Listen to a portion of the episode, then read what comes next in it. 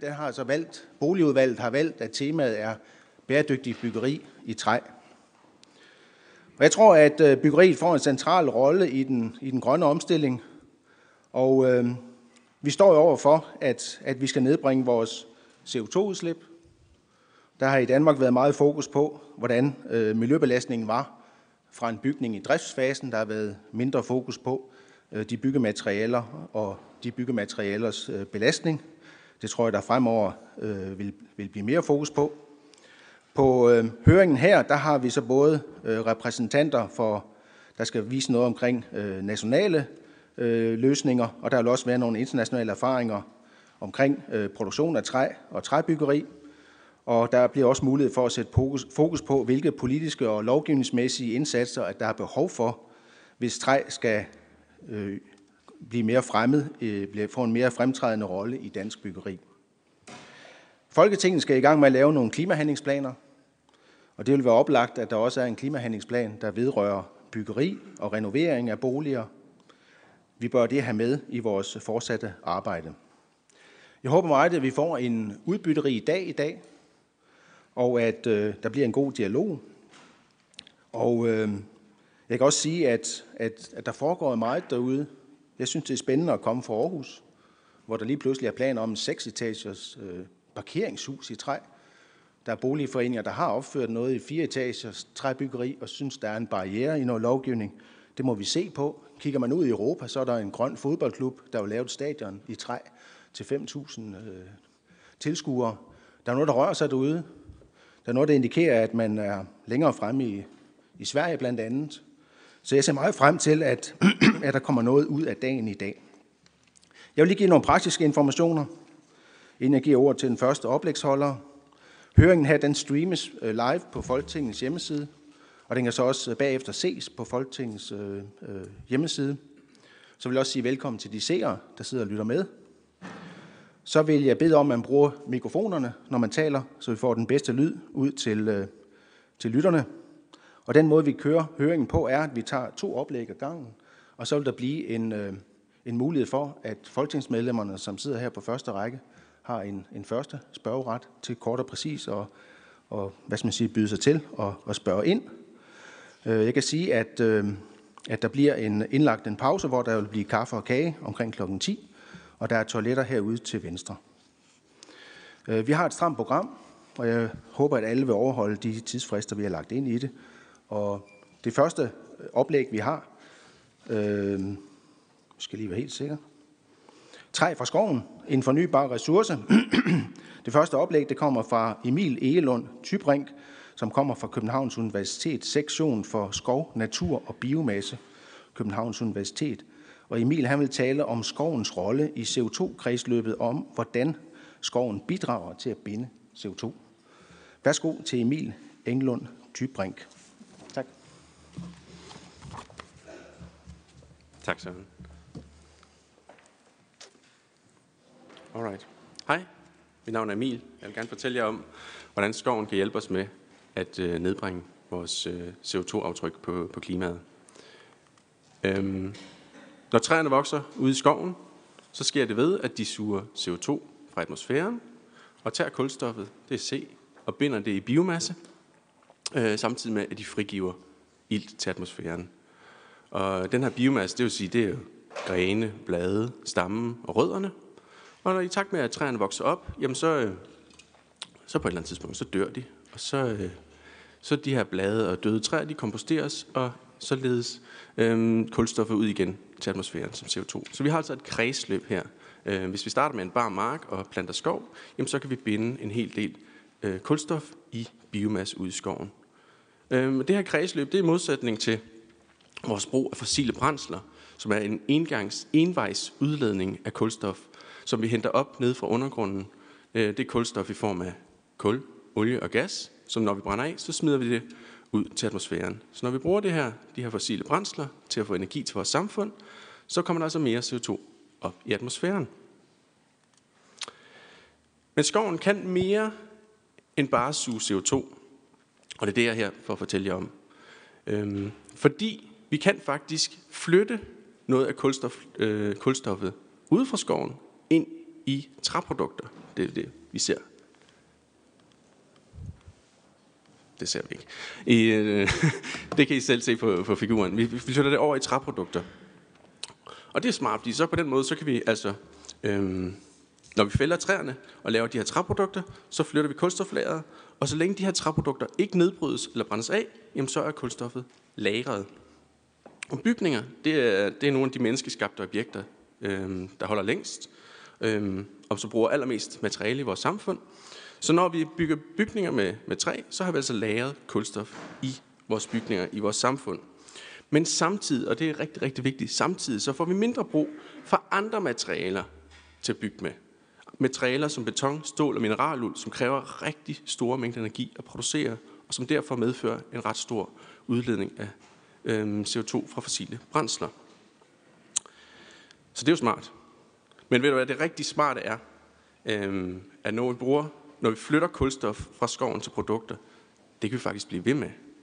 Fordi når vi fælder træer og genplanter, så vokser der nye træer op ud i skoven, som kan blive til nye produkter, og så har vi altså en cyklus. Så det kan man blive ved og ved og ved med. Så træ er, i modsætning til mange andre materialer, et fornybart råstof. Modsat beton og stål, som er baseret på råstoffer, som ikke kommer igen, når de først er udvundet. Så resultatet er, hvis vi øger brugen af, af, af træmaterialer i vores samfund, jamen så kan vi få et større og fornybart kulstoflager i samfundet, samtidig med, at vi mindsker vores udledning af CO2 fra de fossile kilder, for, fordi vi har mindre brug for materialer, som netop kræver meget energi at producere. Men for at det her skal være, oh, jo. for at det her skal være en, øh, en langtidsholdbar løsning, så er vi selvfølgelig nødt til at sikre, at vi fortsat kan blive i den her cyklus, hvor vi laver træprodukter, og hvor der vokser nye træer op. Og det kan man gøre øh, ved bæredygtig skovbrug, hvor man tager hensyn både til miljø og økonomi og sociale forhold, og frem for alt sikre, at fremtidige generationers muligheder for at bruge skoven ikke forringes. Og ved bæredygtig skovbrug kan man faktisk både øge mængden af træ, der er ude i skovene over tid, samtidig med, at der bliver taget træ ud til brug i samfundet. Øhm, og det er det, der sker i Europa lige nu, hvor, øh, hvor igennem årtier er både skovarealet blevet øget, og mængden af træ i skovene øh, er øget, samtidig med, at der altså er blevet fældet træer derude. Øhm, man kan se her i Europa, at der i perioden 2005 til 2015, der er skovarealet vokset med, hvad der svarer til to tredjedel af Danmarks samlede skovareal hvert eneste år. Og samtidig er mængden af træ i skovene, efter vi har taget træ ud, blevet øget hver eneste år med, hvad der svarer til 80 gange, hvad der årligt bliver øh, taget ud af træ fra de danske skove. Hvis vi nu brugt øh, 20 procent, hvis nu forestiller sig 20 procent af den her forøgede mængde øh, træ ud i skovene blev brugt til trækonstruktioner, så, vil, så er det estimeret, at vi kunne hvert eneste år opføre lidt over 650.000 boliger i etageejendommen i Europa. Og det er igen hvert evigt eneste år, fordi det er en fornybar ressource. Så der er altså nok træ lige nu til, at vi kan bygge meget mere med træ, end vi faktisk gør det. Men vi skal selvfølgelig huske på, at skoven er altså ikke bare en CO2-støvsuger og en materialeproducent. Skoven er også hjemsted for biodiversitet, det beskytter vores grundvand, og den kilde til naturoplevelser undskyld, for os mennesker. Og alle disse behov er selvfølgelig også vigtige at tage hensyn til i planlægningen og brugen af vores skove. Så ultrakort for lige at opsummere, nu har vi ikke så meget tid her i dag. Vi skal simpelthen stoppe med at hælde øh, CO2 ud i atmosfæren øh, fra de, fossile, de her oldgamle fossile kilder nede i undergrunden. For ellers så øger vi mængden af kulstof, som vi skal til at håndtere efterfølgende oppe i økosystemerne. Men heldigvis, men samtidig så har vi altså også brug i vores samfund for energi og for materialer. Øhm, heldigvis kan man sige, så er der altså en, en, løsning, en del af løsningen hedder, at vi skal bruge mere træmaterialer i vores samfund. Både nu og i fremtiden, for at vi kan skabe et bæredygtigt samfund med mindst muligt aftryk på klimaet. Tak.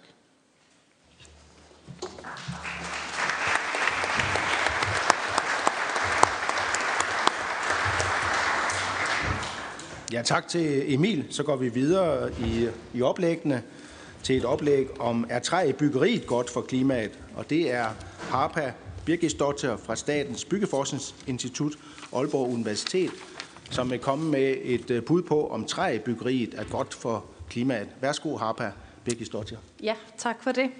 Øh, er træ i byggeri godt for klimaet? Og det er et spørgsmål, som jeg vil forsøge at svare på øh, ud fra livscyklusvurderinger, som er den metode, vi i stigende grad bruger i byggeriet til at vurdere den miljømæssige bæredygtighed af bygninger. Og metoden øh, forkorter vi også til LCA, så hvis I hører øh, LCA igennem et oplæg, så er det det, vi snakker om, livscyklusvurderinger. Hvis vi kigger lidt på øh, i byggeriet, har vi haft rigtig stor fokus på at reducere driftsenergiforbrug i vores bygninger i de sidste årtier og med, også med gode resultater. Og det er fordi, at øh, man har haft øh, ambitiøse krav til, til energiforbruget, driftsenergiforbruget i bygninger til opvarmning og beløsning osv. Og, og vi kan se, øh, at igennem de, tre, de sidste 60 år har vi reduceret, altså har kravene blevet strammet fra omkring 350 kWh per kvadratmeter om året øh, i 1961 og til øh, under 40 i 2015. Men det retter også fokus nu imod de materialer, vi bruger i byggeriet, og hvad de betyder. Øh, og det betyder, at vi også nu skal til at fokusere på hele bygningens livscyklus. Altså vi skal til at fokusere på de materialer, vi producerer og emissionerne. Nu snakker vi om klimapåvirkninger i dag, så klimapåvirkningerne så kommer fra at producere de materialer, vi bruger i byggeriet, øh, på selve byggepladsen, så går vi over til brugsfasen, som er en længere periode, som vi normalt regner i 50 år eller mere. Og der kigger vi både på emissionerne fra driftsenergiforbruget, men vi kigger også på nødvendigheden for udskiftning af materialer, som også vil være hyppigere, hvis, øh, altså afhænger jo af holdbarheden af materialerne. Og til slut kigger vi også på endt levetid for materialerne og ser på, hvad er potentialet i øh, genbrug og genanvendelse, som vi også øh, i højere, højere grad skal fokusere på at få optimeret. Men for at gøre det her, øh, så har vi, øh, øh bruger vi et LCA-værktøj til byggeriet.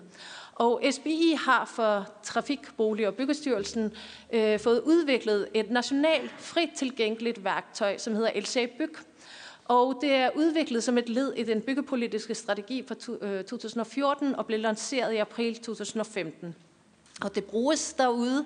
Øh, vi har over 3.500 brugere, og det øh, altså, er nogen, som bruger det både i undervisning, men også af private virksomheder og til certificering, DGNB-certificering af bæredygtigt byggeri.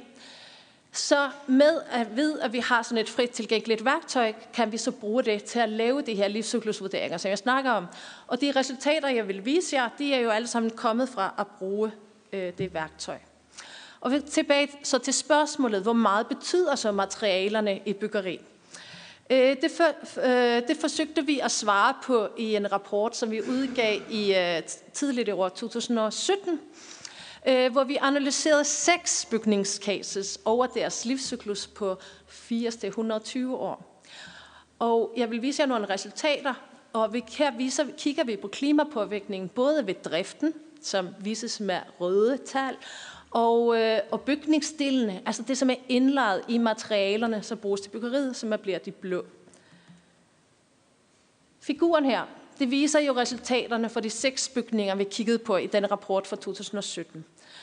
Øh, den viser jo, at der er en stor variation i de seks bygningscases, vi kigger på, hvor når vi lægger sammen både bygnings, altså materialerne, de blå og øh, drifts, øh, klimabelastningen fra driften, det røde, kan vi se, at den varierer fra 3,6 til i den laveste til 8,3 i den højeste kilogram CO2 per kvadratmeter per år, regnet over de der 80-120 år, jeg snakkede om, at vi regner for.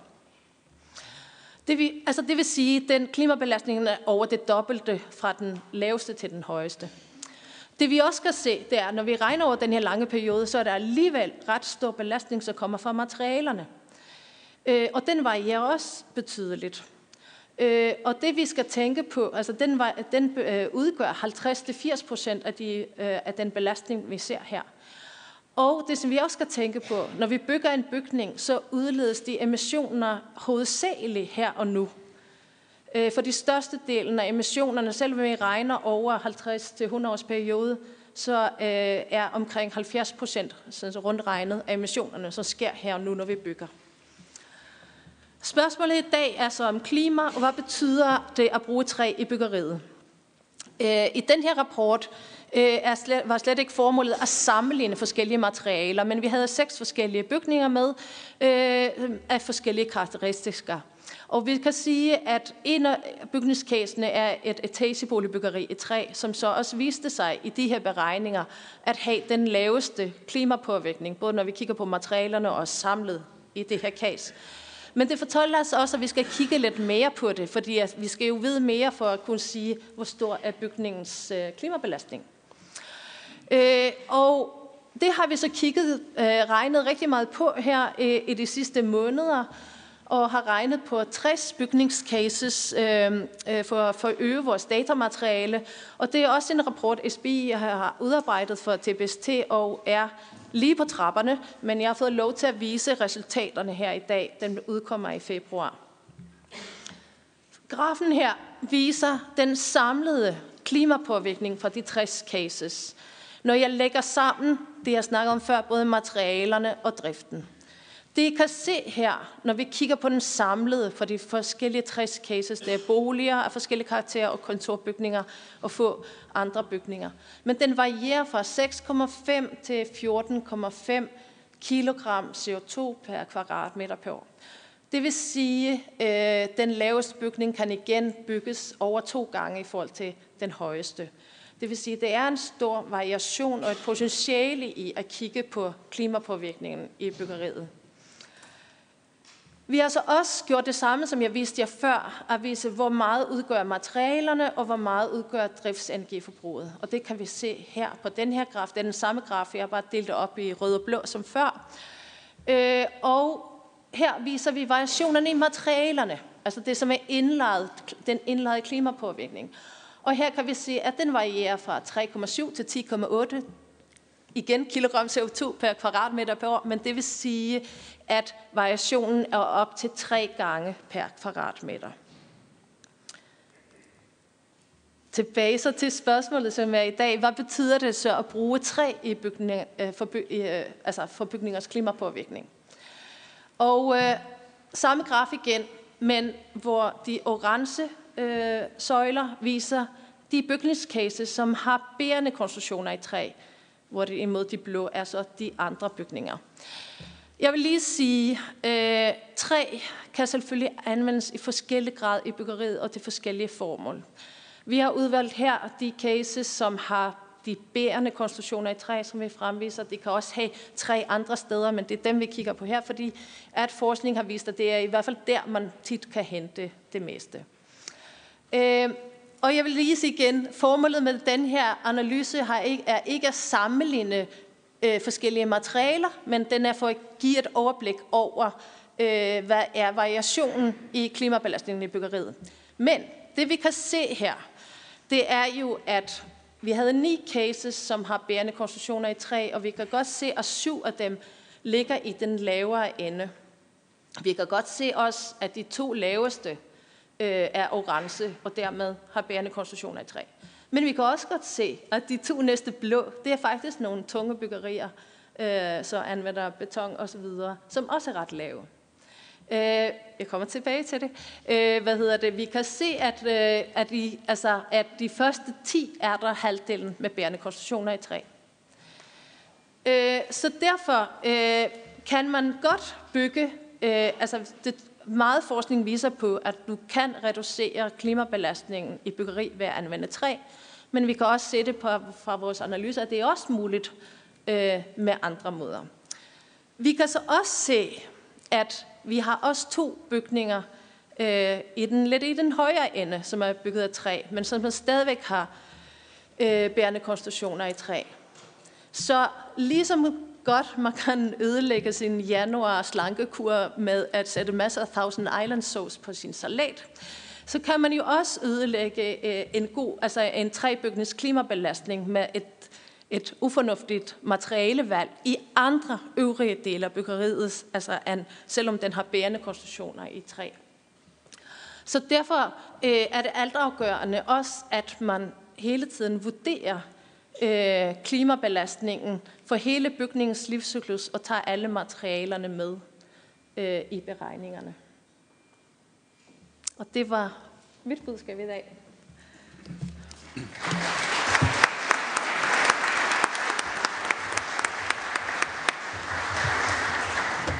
Ja, så har vi, øh, så har vi to. Tak til Harpa for, øh, for oplægget. Så har vi mulighed for 10 minutters øh, debat med, med spørgsmål fra, fra folketingsmedlemmer. Og jeg vil da godt lægge for med den første. Øh, øh, Harpa, der blev nævnt den her DGNB-certificering. Er det noget, som, øh, som, som man bruger i de udbud, der bliver holdt omkring renovering og, og, og nybyggeri? Øh, ja, altså DGNB-certificering er en frivillig certificeringsordning, som bliver i stigende grad brugt i byggeriet øh, til certificering af byggeri. Hovedsageligt vil jeg sige nok på lidt større byggerier. Ja, tak for det. Er der udvalgsmedlemmer, som ønsker at stille spørgsmål? God Jette Gottlieb. Jamen, jeg vil spørge til den aller sidste sætning, at det er meget afhængigt af de øvrige materialer, man bruger. Det er ikke nok, at man bruger bærende konstruktioner. Det kan jeg godt forstå. Jeg spørger til specielt, øh, hvis jeg skulle kalde varmeisolering og lydisolering som øh, en vigtig del af byggerier på vores breddegrader.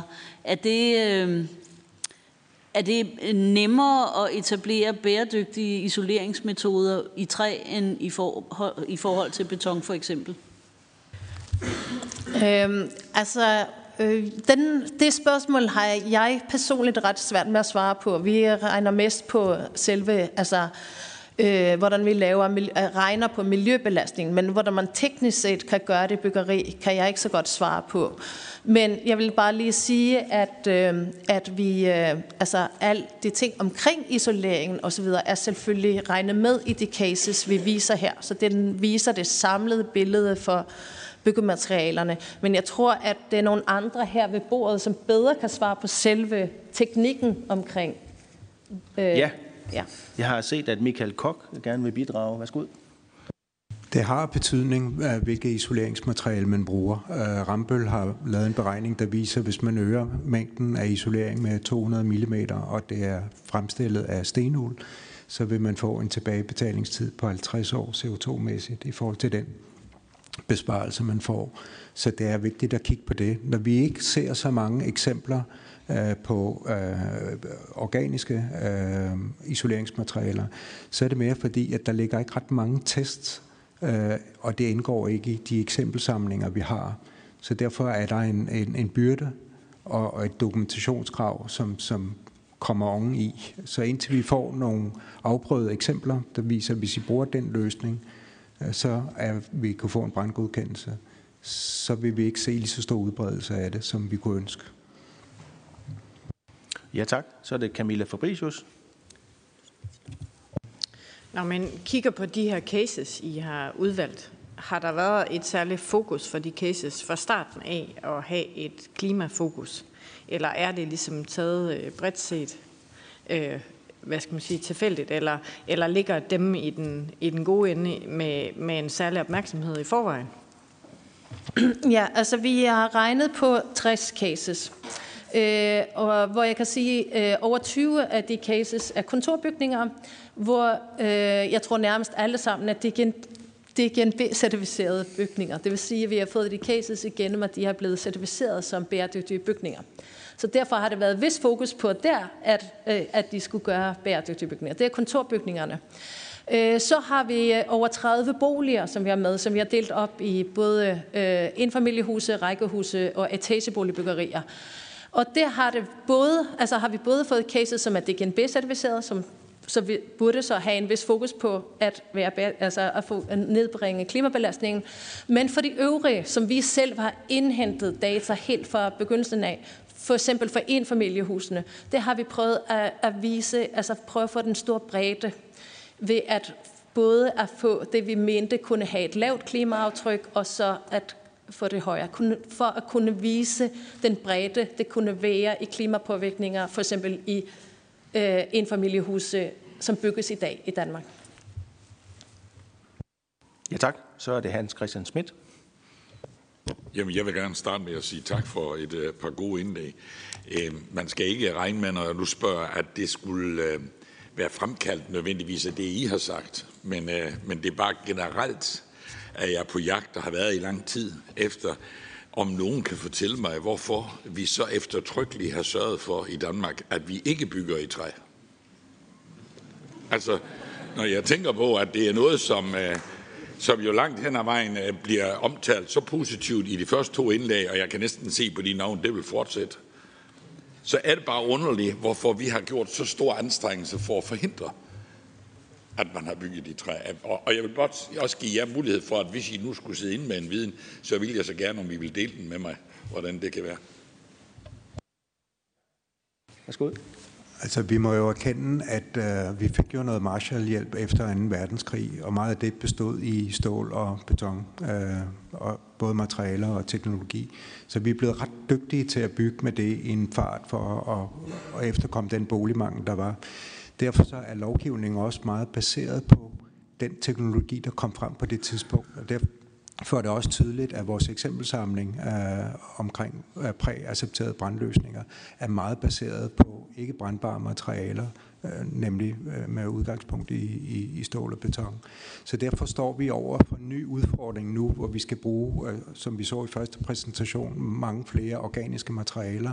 Og det vil sige, at vi skal også tænke på, at, bruge, at vi så også kan bruge og skal bruge øh, brandbare materialer, og derfor skal tilpasse vores øh, brandlovgivning og også fremme øh, byggerier, der viser, at det kan lade sig gøre og få flere tests, som man kan bruge som referencer.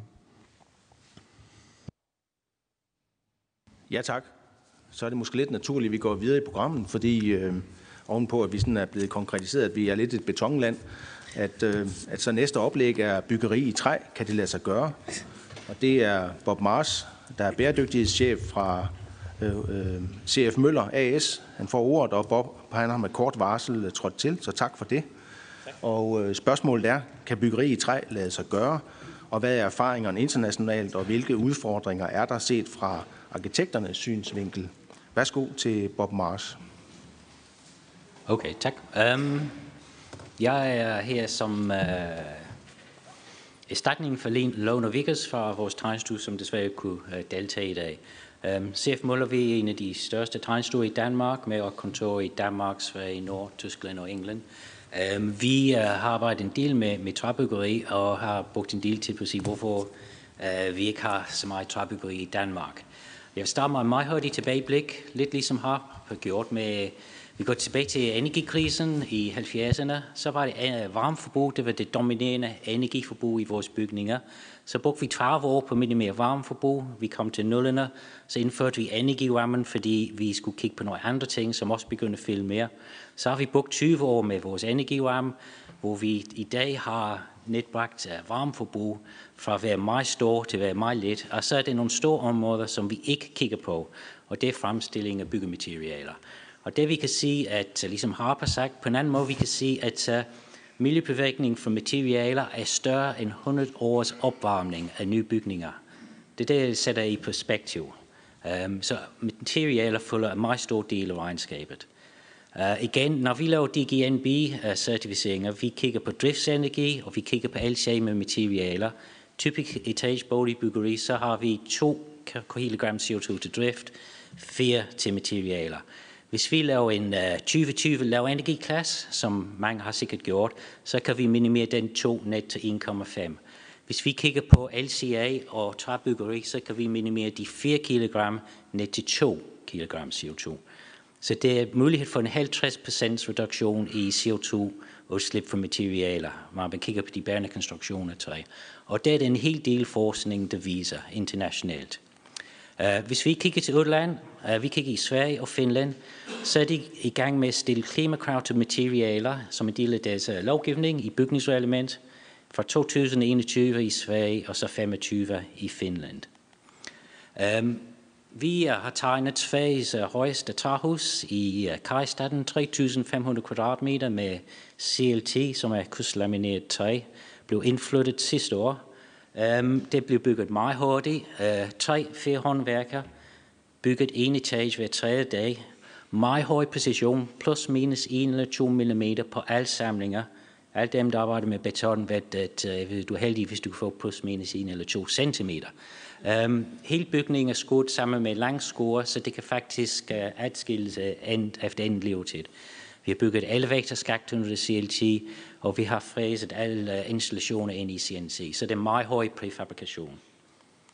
Um, vi har to andre projekter på vejen i Sverige, i Ørnsvå og i Nørtalje, som skulle gerne starte senere i 2020.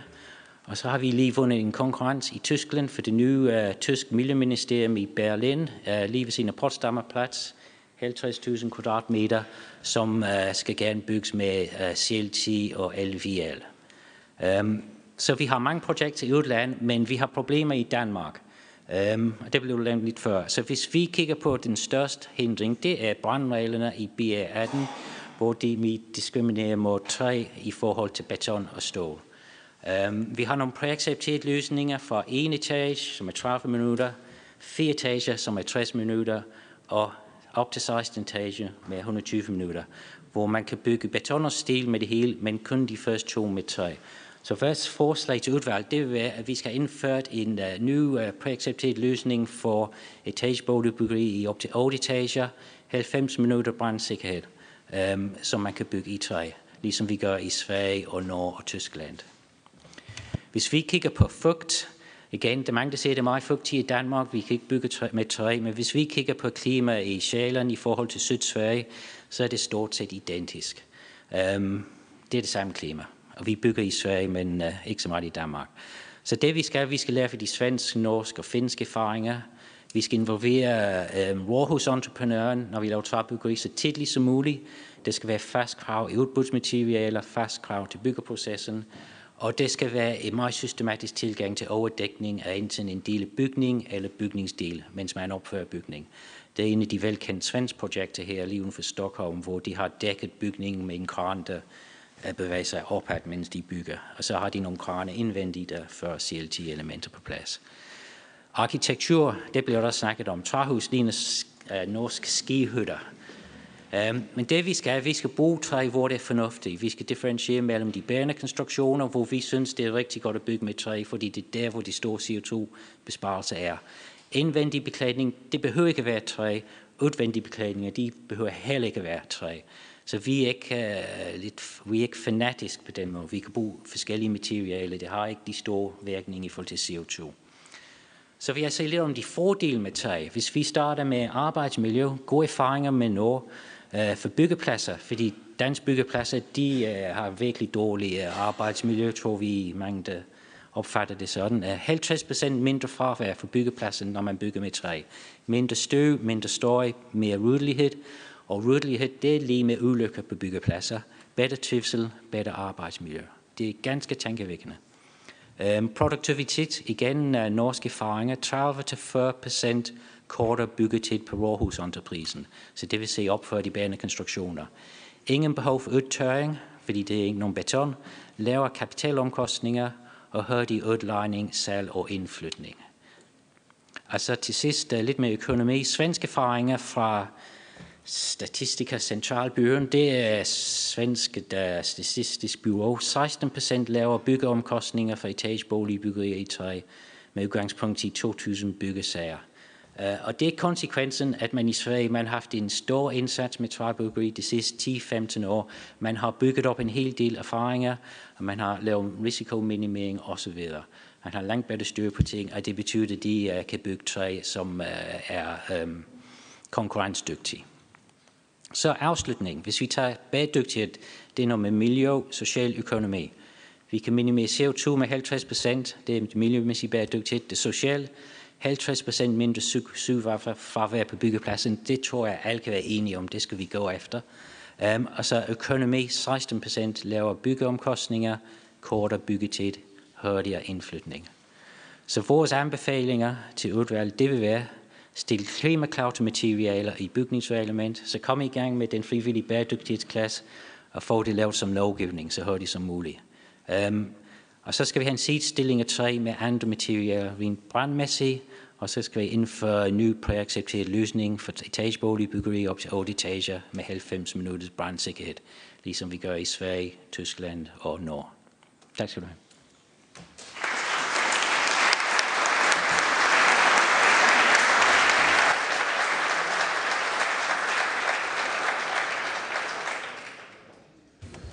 Tak for det. Det var spændende at høre om et øh, dansk arkitektfirma, som har så mange erfaringer fra andre lande. Øh, vi går videre til øh, det næste oplæg, som er omkring bæredygtigt træ. Og det er direktør Jan Søndergaard fra Dansk Skovforening, der vil give os noget fakta om den danske produktion af træ, og hvad der kan, hvad der kan anvendes i byggeriet, og hvordan andelen af dansk produceret træ kan øges fremover. Værsgo til Jan Søndergaard. Godt. Tak for det. Jamen, det er meget spændende at høre, hvad man kan, hvad man kan bruge skovene og, og træet til. Øh, det var nogle, nogle meget flotte billeder, og, og nu er jeg blevet bedt om at fortælle om, om vi nu har nok til at putte ind i den værdikæde, så vi kan bygge fremtidens by af træ. Og jeg kan godt afsløre, at mit svar er, nej, vi har ikke helt nok herhjemme endnu. Men lad os kigge lidt på den danske ressource.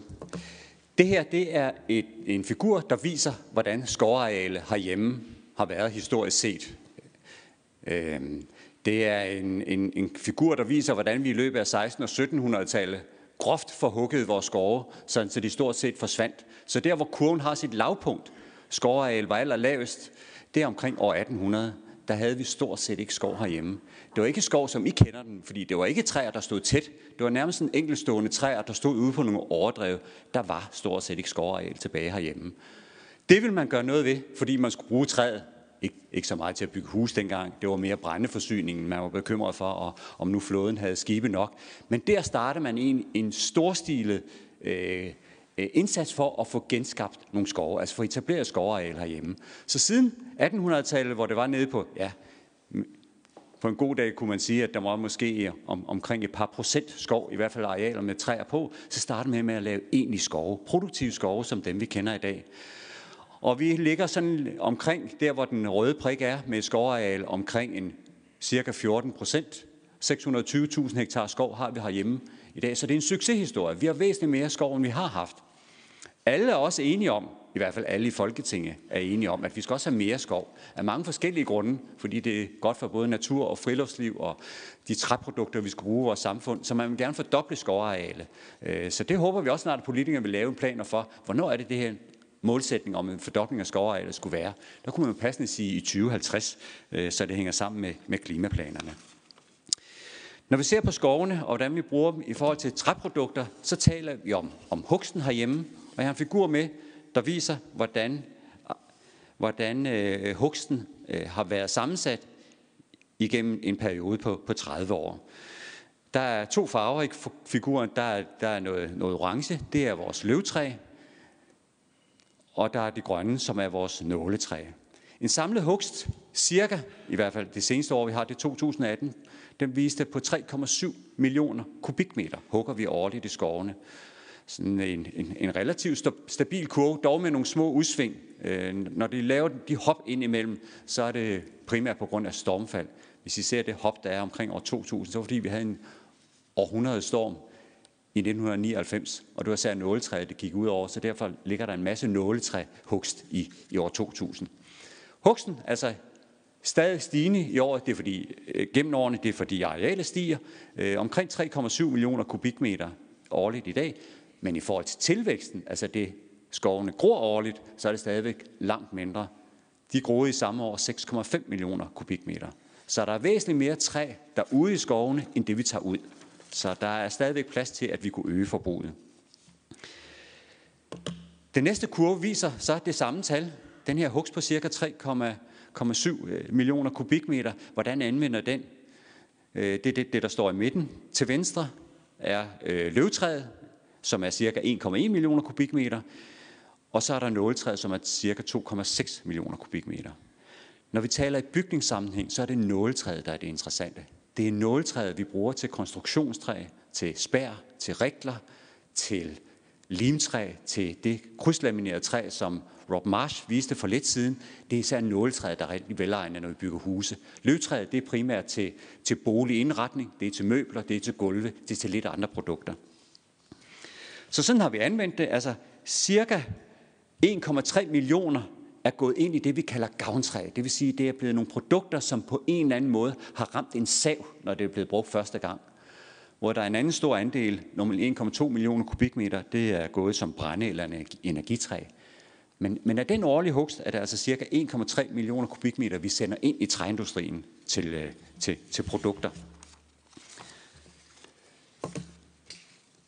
Læg det samme, de samme tal viste også en overrække, hvordan det har set ud. Og den starter i 1990 og slutter i 2018. Og hvis vi tager udgangspunkt i 1990, så var der en stor del af det, der blev anvendt som gavntræ, altså den grå søjle nederst. Vi anvendte rigtig meget af det som produkter. Og så var der en lille del, mindre del af det, det endte som brænde i brændeovnene. Men omkring øh, år 2000 tog den udvikling fart. Vi fik øh, lavet en omstilling i el- og varmesektoren, hvor vi begyndte at tage træet ind til, øh, til de formål. Øh, og, og i dag er der op imod halvdelen af, af hugsten, der i dag går ind i, i varmesektoren eller energisektoren. Det er det, der har gjort egentlig, at vi har kunnet fase kullet ud på vores kraftværker, det er, at vi i højere grad begynder at bruge biomasse for skovene. Men se, i samme periode, det er jo ikke fordi, det er gået ud over den del, der kommer ind i, øh, til anvendelse i byggeriet eller til møbelindustrien. Den er fastholdt. Så det har altså været en, nogle restprodukter, vi har haft i, i skovene og i træindustrien, der, der er gået den vej. Hvor meget, hvor mange huse øh, kan, kan den danske hugst egentlig øh, give plads til? Ja, altså med meget forsigtigt sagt, øh, så kan man i hvert fald sige, at, at, at cirka en halv million kubikmeter nåletrætømmer, hvis vi tager den enhed, den størrelse, vi har lidt mere, øh, hugsen herhjemme er, er næsten det dobbelte, det vil svare til, at der vil ud af savværket komme cirka 250.000 kubikmeter bygningstræ, som kan komme ind i en bygning. Og hvis man bruger nogenlunde en nøgletal for, hvor meget en bolig øh, eller hvor meget et hus bruger, så svarer det groft omregnet til ca. 5.000 huse eller boligenheder, man kunne bruge af en halv million kubikmeter øh, nåletrætømmer.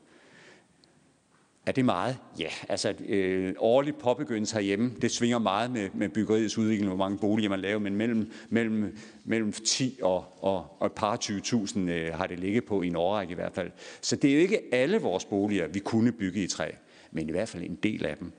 Og hvis ellers også Folketinget får lavet nogle fornuftige planer om, at vi får lavet noget ny skov, noget produktiv skov, jamen så kan vi bygge væsentligt flere huse. Og det synes vi kunne være et formål, at når vi nu skal bygge vores hus, at vi også skal gøre det af noget, noget træ, vi selv har produceret. Lidt om øh, dokumentation og garantier øh, øh på træprodukter.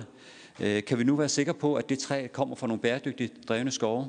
Der findes to globale mærker, der dokumenterer øh, arealdriften, altså skovdriften, at man, at man dyrker bæ, øh, skovene bæredygtigt. Det ene hedder PFC, øh, det er det største af dem, og der er FSC, der er, er næsten lige så stort. Anerkendte tredjeparts auditerede øh, øh, miljømærker eller bæredygtighedsmærker for vores øh, skovdrift, som i høj grad er en kommunikation til markedet og forbrugeren om, at man trygt kan bruge de her produkter, de kommer fra bæredygtigt drevne skove. Så de findes, de findes udbredt i detaljhandlen, øh, og jeg er sikker på, at der er mange af jer, der allerede har stødt på dem. Øh, og en stor del af de danske skove er også i gang med at blive certificeret, eller er allerede blevet, så man kan også finde det på, på danske træprodukter. Taler lidt, øh, sidst lidt om øh, vores skove, hvordan bør vi indrette dem, så vi i højere grad kan efterkomme den højere efterspørgsel, som forhåbentlig kommer fra byggeriet. Ja, de nye skove, som vi skal have, en fordobling af skovarealet, det er stadigvæk, vi mangler cirka 500 hektar ny skov, og det forventer vi, at, at, øh, at Folketinget laver planer for, hvordan de skal se ud. Der skal vi lave nogle skove, som, som vokser hurtigt, som optager meget CO2, og vi skal have et stort indslag af nåletræ, fordi det er nåletræ, vi skal bruge til at bygge vores huse af. I de gamle skove, hvor vi i høj grad har blandet skove, øh, øh, både med, med løvtræ og nåletræ, der kan det også være fornuftigt på de nåletræer, man allerede har, når de alligevel skal genplantes, at man så også tænker på, at vi skal have nogle træarter, der, der vokser hurtigt, det er godt for klimaet, så vi hurtigt får de materialer, vi også skal bruge i byggeriet. Hvis vi fordobler skovareale, øh, som øh, man politisk har vedtaget, at man vil gøre, så vil det egentlig svare til alene optaget på det skovareal, vi så har, til 30 procent af det årlige CO2-udslip fra hele Danmark. Så alene det alene klimaargumentet for, hvorfor vi skal have nye skov, bør egentlig tilsige, at man bør gang, sætte gang i de planer og få dem gjort hurtigt. Og derudover har vi så derudover det bæredygtige materiale, som vi kan bruge i byggeriet efterfølgende. Så det er, det er bare med at komme i gang. Fremtidens skove, det skal ikke være rene nåletræskove, øh, som selvfølgelig vil være, vil være det mest effektfulde i forhold til klimaet. Øh, men, øh, men det er mange landmænd, vi skal overvise om, at de skal plante noget skov, fordi vi skal bruge dem. Og der vil være mange andre hensyn, vandmiljøhensyn, naturhensyn og andet. Så vi forestiller os også, at de nye skove, der skal komme i årene fremover, også vil blive varieret skove, en form for mosaikskov i forhold til det landskab, de også skal passe ind i. Tak.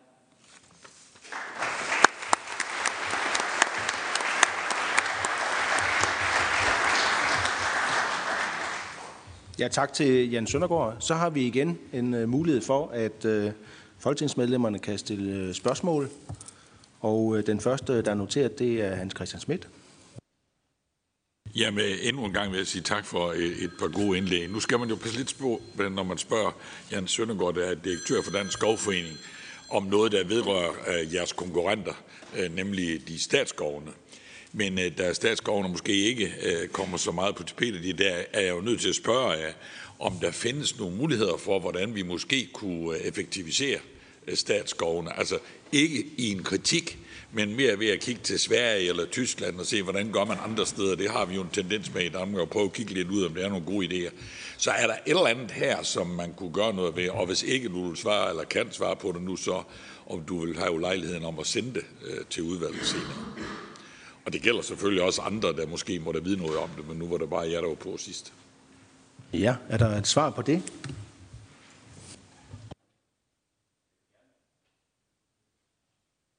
Jeg vil gerne forsøge mig med et forsøg, forsigtigt svar. Altså statsskovene skove er vores alle sammen, så der er, mange, der er mange hensyn, man skal med skovene. Men det er da rigtigt, hvis man kigger på, hvordan debatten har været i Folketinget om, hvad vi skal med statens skove de sidste mange år, så har, så har folketingspolitikerne øvet sig i, hvor stort et areal de kan tage ud af produktion.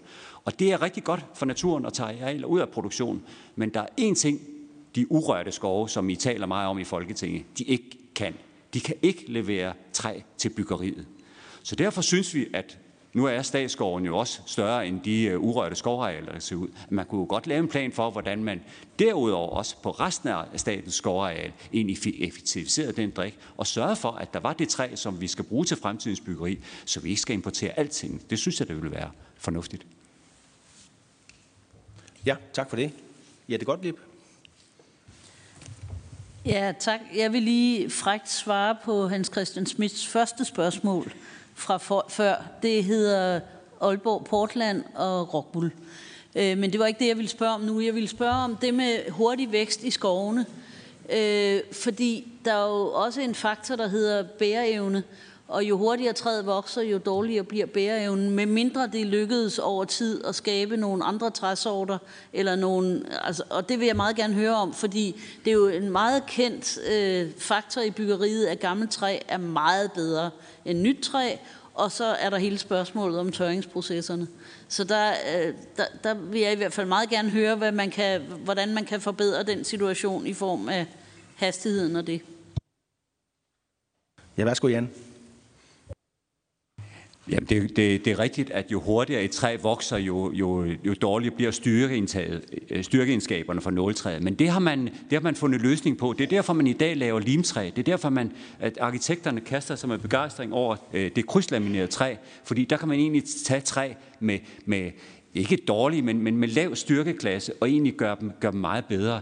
Så det er ikke noget problem, selvom vi dyrke de hurtigst voksende træer derhjemme, så kan man sagtens stadigvæk lave limtræ og krydslamineret træ, som er anvendeligt i byggeriet. Så, øh, så, så den findes der. Og det gode ved de hurtigt voksende træer, det er jo også, at, at jo hurtigere det gror, jo mere CO2 hiver de ud af luften. Så det er, der er en, en, en god sammenhæng mellem de to mål. Ja tak. Så har Emil også en svar på det spørgsmål.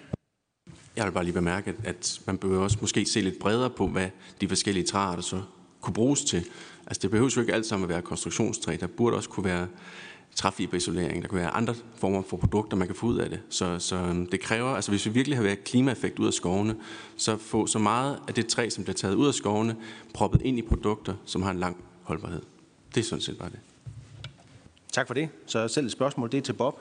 Og det er omkring de her øh, CLT-elementer, som, øh, som I, øh, I bruger i jeres byggeri.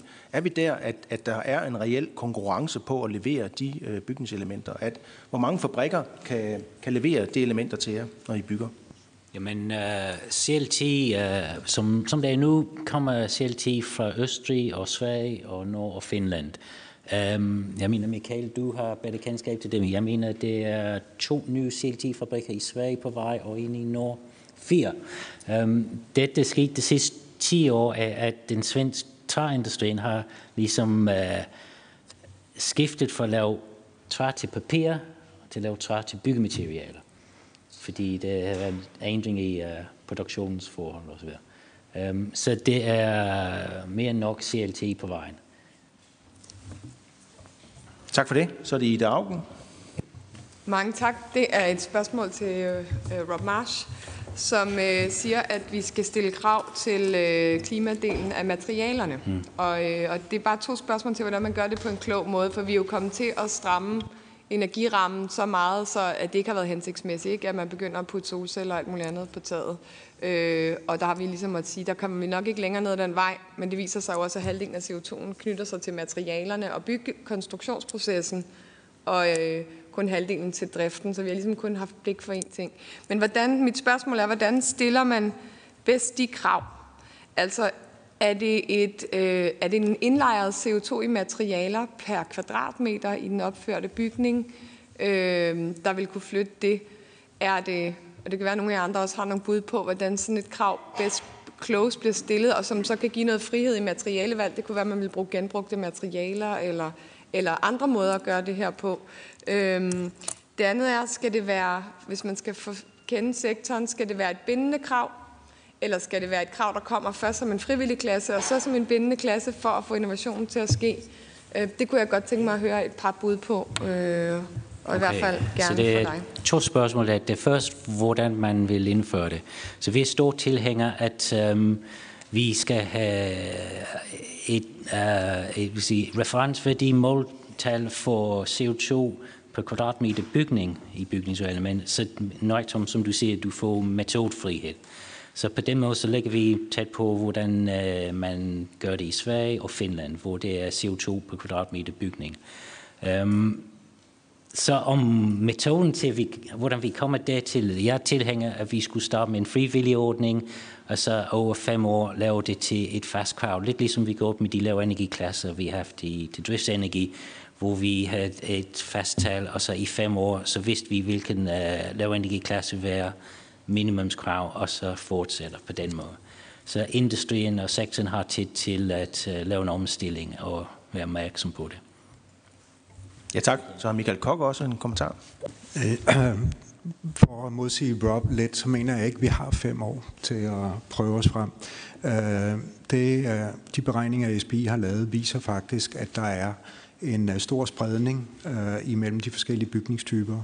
Og jeg vil også vise en slide, hvor jeg, hvor, man, hvor jeg vil pege på, at der ligger jo en, en kategori, der ligger væsentligt bedre end, end de dårlige, som jeg er bygget med en kombination af både træbyggeri, men også konventionelle løsninger. Og spørgsmålet er, hvorfor kan vi ikke bare stille krav allerede i dag om, at man skal bygge på det niveau, øh, og ikke, øh, altså hvorfor skal det være ureguleret og kunne lave så stort et, et miljøaftryk, som nogle af dem har, når man rent faktisk ved at tænke sig om med de metoder, vi allerede har, kan præstere væsentligt bedre. Så kan man sige, at, at så over tid bør man rykke grænseværdierne, sådan så man får en teknologisk udvikling, fordi vi har nogle indikatorer på, at vi kan gøre det endnu bedre, fordi der er nogle bygninger, der rent faktisk performer bedre. Øh, så, så jeg mener, at vi kan gå i gang i dag. Øh, det handler om at være ambitiøs, ambitiøs og jeg mener, at vi er i en situation, hvor vi skal være det. Ja, og Michael får chancen for at uddybe det lidt senere. Øh, så er det Camilla Fabricius. Tak for det. I forhold til de øh, klimaudfordringer, vi har også øh, med nedbørsdelen, øhm, er der noget, vi skal være særligt opmærksom på i forhold til de arter, vi enten har nu øh, i forhold til produktionen, eller er der noget i forhold til, til den fremtid, der er, når vi går i gang med at planlægge i forhold til jordbundsforhold, flow under, under jorden eller andet? som, som, som stiller ydet krav til den måde, vi ser på det, når vi går i gang med planlægning. Ja, værsgo. Ja, Emil. Altså, det her det er ikke mit forskningsfelt, men mine kolleger inde ved Københavns Universitet, de er super dygtige til at for, forudsige, hvordan kan vi egentlig sørge for, at vi har nogle produktive skove også i fremtiden. Der ser man meget på nordvestamerikanske træarter, øhm, fordi de burde være mere klimastabile. Men øhm, jeg vil bare in, invitere til at, at tage kontakt til fagvidenskaben på det område, som findes øhm, hos os.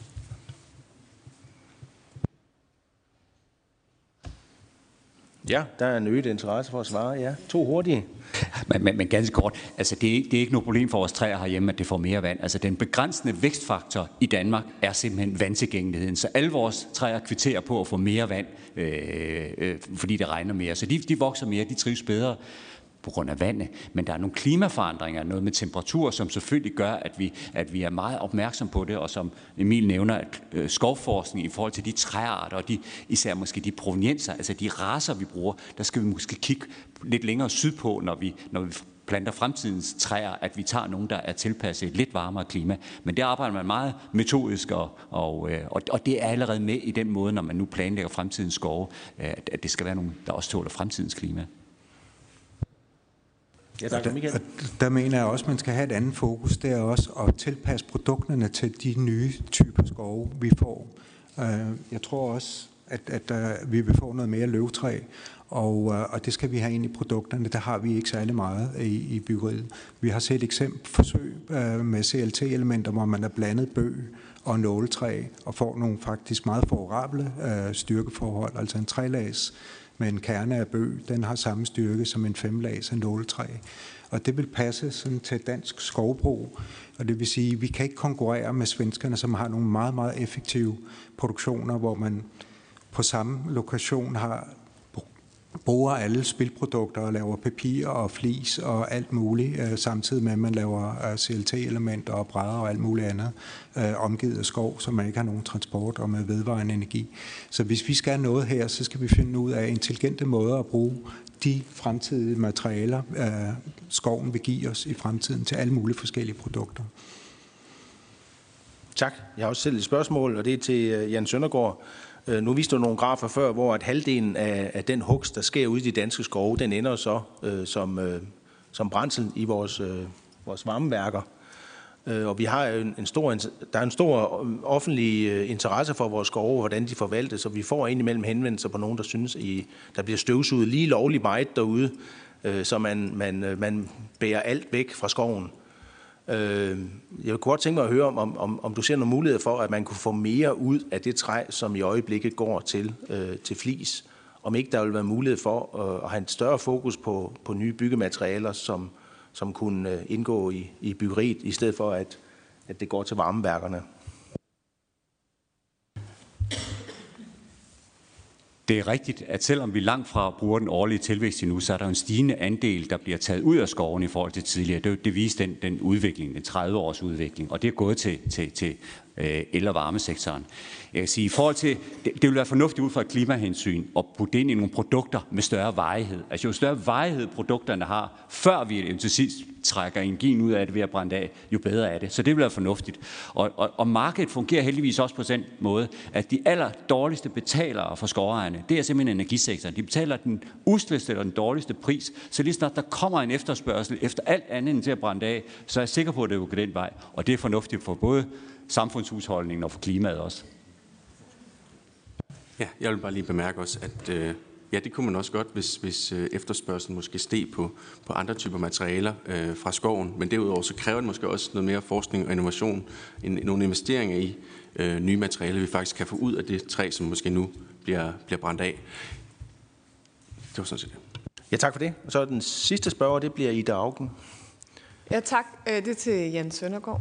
Øh, Jan, du øh, to spørgsmål. Det ene er, vi snakker meget om at udtage jord i øjeblikket, og det er jo jord, der ikke har så høj en bonitet, og måske er meget våde jorder, nogle af dem.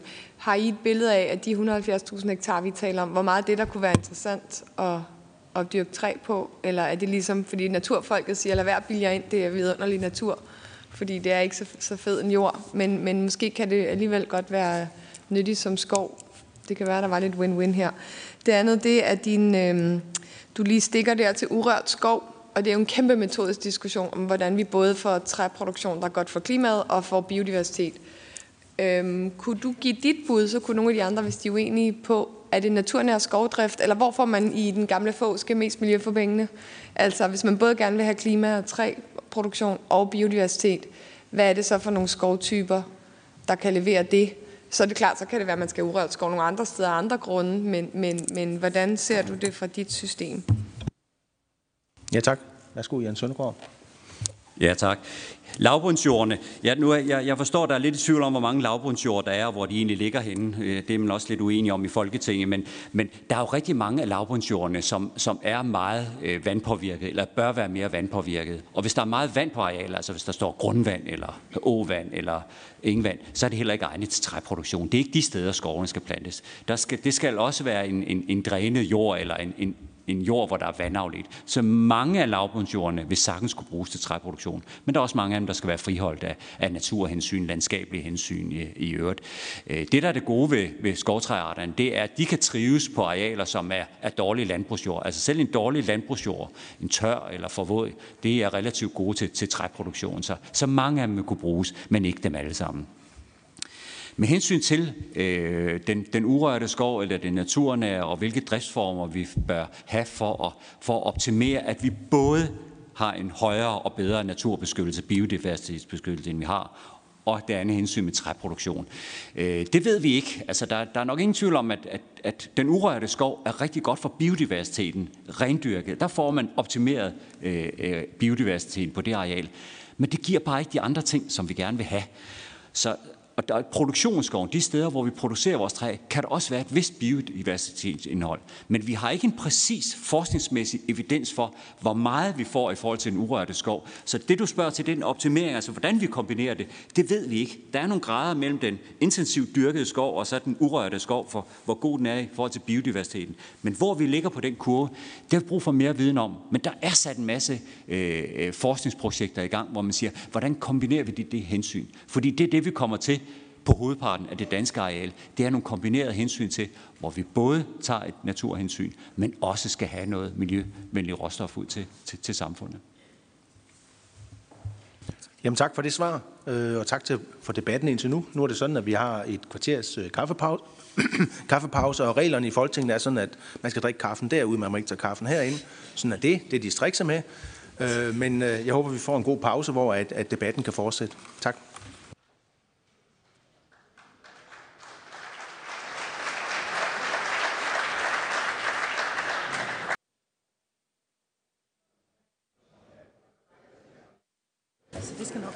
Ja, vi starter op igen her ved anden halvleg. Jeg håber, alle fik kaffe og fik nået at drikke den. Øhm, det er sådan, at når vi er færdige med det her, så, så vil jeg lægge op til, at man godt sådan kan blive og snakke videre. Øh, nu er I jo kommet gennem sikkerhedskontrollen, så I er jo, I er jo godkendt. Øh, så så øh, den her snak, der har været i pausen, den, den kan også fortsætte øh, lige efter mødet. Øh, men vi går videre i, øh, i, i rækken af oplægsholdere. Og det næste emne, vi har, det er øh, byggetekniske regler for træbyggeriet. Og øh, der vil jeg gerne give øh, ordet ord til direktør Michael Kok fra Træinformation, Træbranchens Viden- og Formidlingscenter. Og Michael han vil komme nærmere ind på de byggetekniske regler for træbyggeri, herunder reglerne i bygningsreglementet. Værsgo, Michael Kok. Tak for det store fremmøde. Øh, jeg vil faktisk fokusere på den del af bygningsreglementet, som er en udfordring øh, for, for det, vi skal se. Øh, jeg vil starte med at, at, at lige fortælle, at vi er en vidensinstitution. Vi er ikke på finansloven, desværre. Og vi, vi laver det, der hedder teknisk fælleseje, almindelig teknisk fælleseje, som er anvisninger både til undervisningssektoren, men også til alle dem, der ønsker at bygge let og bygge med, med træ. Øh, og, så, og det vil støtte af 1000 medlemmer, som er allerede brugere af træ.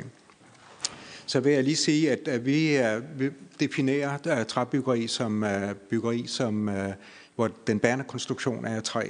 Øh, og, øh, og det kan vi sådan, øh, med god grund sige, fordi nogle af SBI's beregninger har jo vist, at hvis man udskifter øh, de bærende konstruktioner for murværk, stål og beton, der er nogle cases fra England, som viser en CO2-reduktionspotentiale på 30-39 øh, øh, procent. men også øh, nogle cases for Sverige med en spredning, der går fra, fra de der 27 til 77 procent. Og jeg mener faktisk sagtens, man kan nå de 77 procent. Og det er også derfor, I hører tallet gennemsnitlig en 50 procent reduktion når det er øh, især af, af den bærende konstruktion, øh, som, som er interessant, så er det fordi, der er der det store volumen ligger, men det er også der, øh, hvor man kan reducere mængden af transport, mindre fundamenter, mindre kraner og, og, og, og, og nemmere håndtering og mindre fundamenter. Det giver sådan en række afledte effekter, som, som er forklaringen på det. Og, øh, og hvis man ser på at udskifte facaden med træ, altså en traditionelt øh, øh, skalmur, så opnår man kun 24 procents reduktion. Og hvis vi er nede på sådan en fibercementplade, øh, så er det nede på en 15 procent. Og hvis det er naturskifer eller tyndplader, eller, så bliver øh, gevinsten endnu mindre. Så det er ikke den kamp, vi nødvendigvis skal tage, hvis nogen af jer er bekymret for at male eller vedligeholde, eller ønsker et specielt arkitektonisk øh, udtryk, så er der egentlig i høj grad af frihed øh, for, for det. Øh, Hvordan skal vi... Øh, det, som jeg var inde på i en af kommentarerne, det var også, at, at der er meget stor spredning, øh, som Harper også været inde på, hvordan bygningerne præsterer. Det er også i virkeligheden interessant, hvis man ser på øh, livscyklus, øh, øh, hvad hedder det, total levetidsomkostninger, så er der også meget stor spredning. Det er ikke sådan, at der er en logisk sammenhæng mellem, hvad der er dyrt, og hvad der er bæredygtigt, og, og hvad der er billigt og, og bæredygtigt. Det, det spreder sig, øh, og der er ikke nogen logisk sammenhæng, men det, det viser i hvert fald, at man kan bygge billigt og bæredygtigt, øh, hvis man tænker sig om. Det I ser den graf her, det er øh, en anden måde at vise på, at der er meget stor spredning i, hvordan bygningerne præsterer. Men det I ser ud for den røde pil, det er jo, at, at øh, der ligger en blanding af træbyggeri og konventionelt byggeri og præsterer noget, som vi kan bygge i dag. Øh, og det var derfor, jeg kom med den øh, kommentar om, at vi kan faktisk starte Øh, der allerede i dag ved at sætte nogle krav. Det er jo påfaldende, at der er så stor spredning, og det er jo klart, at der er ingen motivation for at gøre sig umage for at få en, øh, et lavere miljøaftryk. Det, altså, hvorfor reflektere over det? Det er ikke noget problem lovgivningsmæssigt. Den nederste kurve viser så et uh, boligbyggeri i træ, som jo ligger uh, i, i en ende, der viser, at vi kan gå hen og blive CO2-neutral i 2050, hvis vi sætter os det mål. Hvad skete der lige der?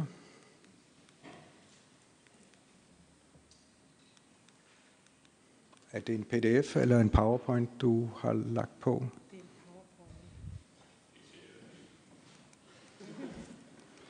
Øhm, nå, øh, har I publikationen, så kan jeg gengive den. Øhm, så kan jeg lige huske, hvad det er. Der beklager, der ikke har været en test på det her.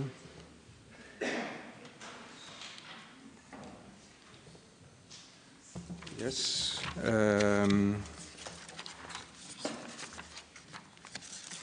Det er altid sådan lidt en test. Øhm. De udfordringer, vi har øh, omkring, altså det viser jo med al tydelighed, at vi skal have lavet nogle livscyklusanalyser for at komme videre ud af den dagsorden. Og, øh, og der er vi i en situation, hvor, hvor det er et glimrende arbejde, SBI har lavet, og har lavet med at få lavet det her fælles værktøj, men vi mangler en drifts- og vedligeholdelsesorganisation øh, bagved det, fordi det bliver så centralt et værktøj. Og det skal vedligeholdes, men det er også vigtigt, at når vi folk begynder at sende byggeandragninger andragner ind, at man rent faktisk får verificeret, at der er regnet rigtigt, og derved også få en database for, hvordan præsterer bygningerne, og kan vi rykke på grænseværdierne over tid. Øh, og så har vi den udfordring, at, øh, at øh, værktøjet det er til gode ikke fordelene ved brug af træ, Øh, og herunder gevinsten ved CO2-opsæt. Altså vi udtager noget CO2 og gemmer det og kan udlede det på et tidspunkt, hvis vi vælger at brænde bygningen ned. Vi kan også genbruge den rigtig mange gange. Men øh, skulle vi brænde den af om 100 år, så har vi lavet et offset på 100 år i CO2-udledning, og til den tid har vi forhåbentlig en, øh, en mere bæredygtig øh, energiforsyning. Øh, så det er nu, vi har det der akutte behov for at udtage CO2, og det er der ikke rigtig nogen beregningssystemer, der, der belønner. Vi har også det problem, at øh, kommuner og stat, de de har ikke rigtig en opgørelsesmetode for, hvordan vi får, øh, kan beregne eller udnytte den gevinst, man får. Man, hvis man øh, for eksempel mødes med Københavns Kommune, så er det jo drift, øh, driften, man ser på. Det er energiforsyningen. Hvordan kan vi gøre den CO2-neutral? Men det at reducere det, når man bygger, hvor skal det konteres, både i det kommunale, men også i det øh, nationale øh, regnskab. Ser vi øh, på brandområdet, øh, så for sådan at sætte et billede på øh, den, den udfordring, vi har, så havde vi et møde. Vi var ni personer her i fredags. Der var både Dansk Brandteknisk Institut, ETA Danmark, Dansk Byggeri, Teknologisk Institut, og, og vi var selv med, med med tre af vores medarbejdere som ved meget om brand, hvor vi diskuterer nogle af alle de uklarheder, der er i bygningsreglementet omkring brand, som også gør, at vi ikke kan opdatere alle vores bøger i forhold til øh, de sidste bygningsreglement. Der er simpelthen ting, der modsiger hinanden, der peges på afprøvningsformer, som ikke er logisk over for det produkt osv. Og det gør, at, at øh, vi, vi har det er fire måneder siden, vi har bedt om foretræde i Trafik- og Byggestyrelsen øh, for at, at, at kunne få diskuteret det og bare få et svar på, ønsker vi i det tolket på denne her måde, eller på denne her måde. Nej, den går helt til slutningen. Øhm, I har også en pdf af den, hvis det er. Øhm, og, øhm, og det vil sige, at vi skal have kigget på de, øh, præ, øh, de præaccepterede løsninger, er meget baseret, som vi nævnte tidligere, på ikke brændbare materialer af historiske årsager. Og med den udfordring, vi har, så er vi altså nødt til at kigge på og få øh, præaccepterede løsninger med, som også indeholder øh, øh, biologiske materialer. Øh, så det der er over fire etager, der skal vi have defineret, hvor længe skal de holde, og hvad skal vi eftervise. Det har vi ikke sådan helt klar forståelse af pt. Og af de 94 procent, vi bygger under fire etager, der skal vi vide, hvordan vi skal eftervise det. Det er heller ikke helt klart og entydigt. Og det gør så, at der bruges en masse tid på, hvad er det, vi skal dokumentere, hvordan skal vi dokumentere det, og så selve dokumentationen. Og det vil sige, det er alt andet jo lige hæmmende for at gå den vej, når vi har nogle løsninger, som vi har lavet øh, de sidste 50 år. Så det fremmer ikke brugen af træ, vil jeg sige. I, I vil møde, hvis I spørger øh, Trafik- og Byggestyrelsen, eller Dansk Brandteknisk Institut siger, at I kan sagtens bygge over fem etager. I skal bare dokumentere det. Men, men det er altså nemmere sagt end gjort, det er det, der er min pointe. Øh, der vil være nogle system, øh, øh, firmaer, der laver systemløsninger, som kan kaste en masse ressourcer ind og, og investere i prøvning af en bestemt metode, og så håbe på, at den kan de reproducere.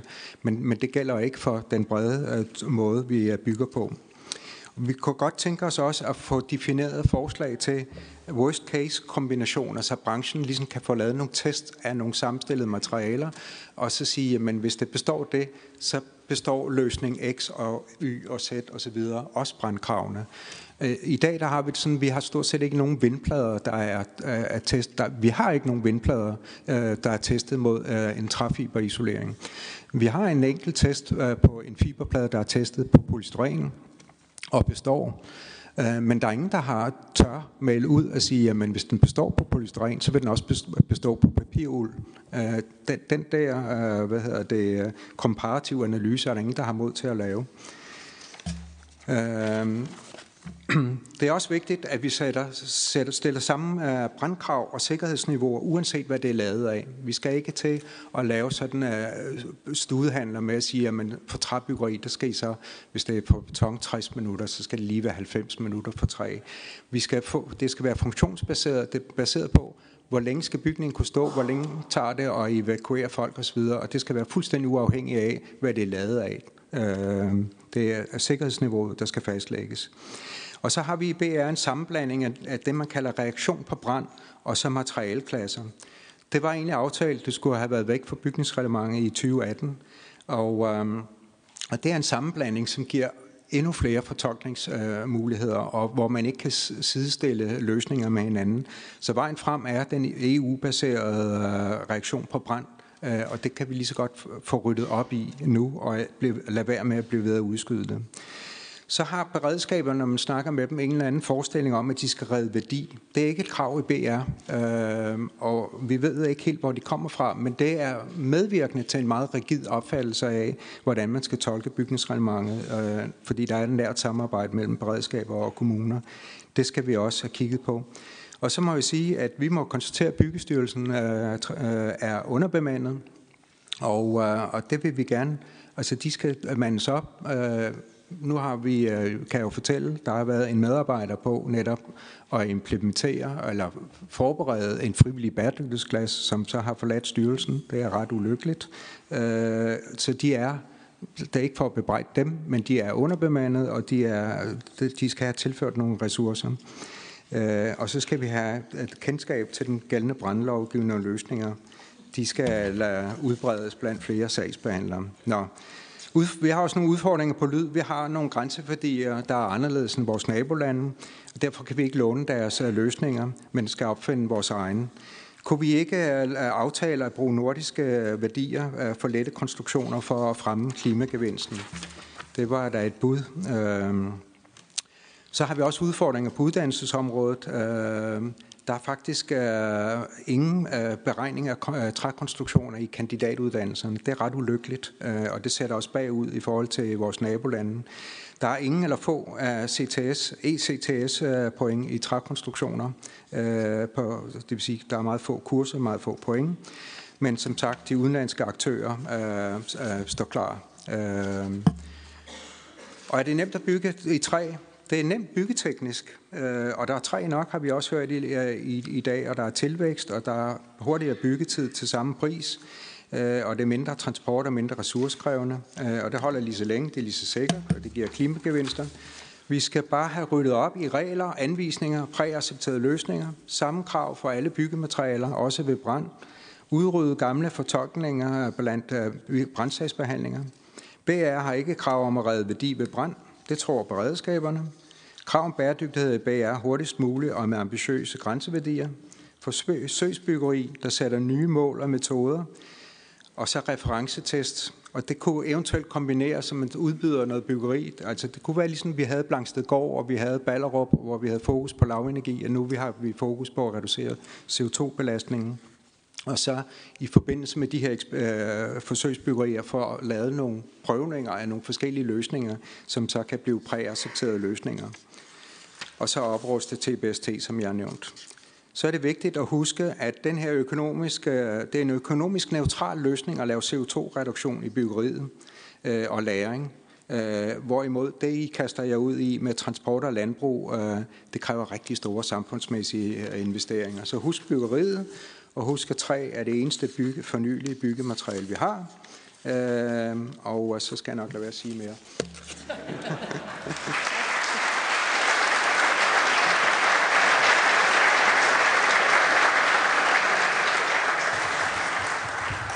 Jamen tak til Michael Kok. Øh, vi skal nok sørge for, at det, der stod i dine slides, at det bringer vi med videre til, hvad vi skal samle op på.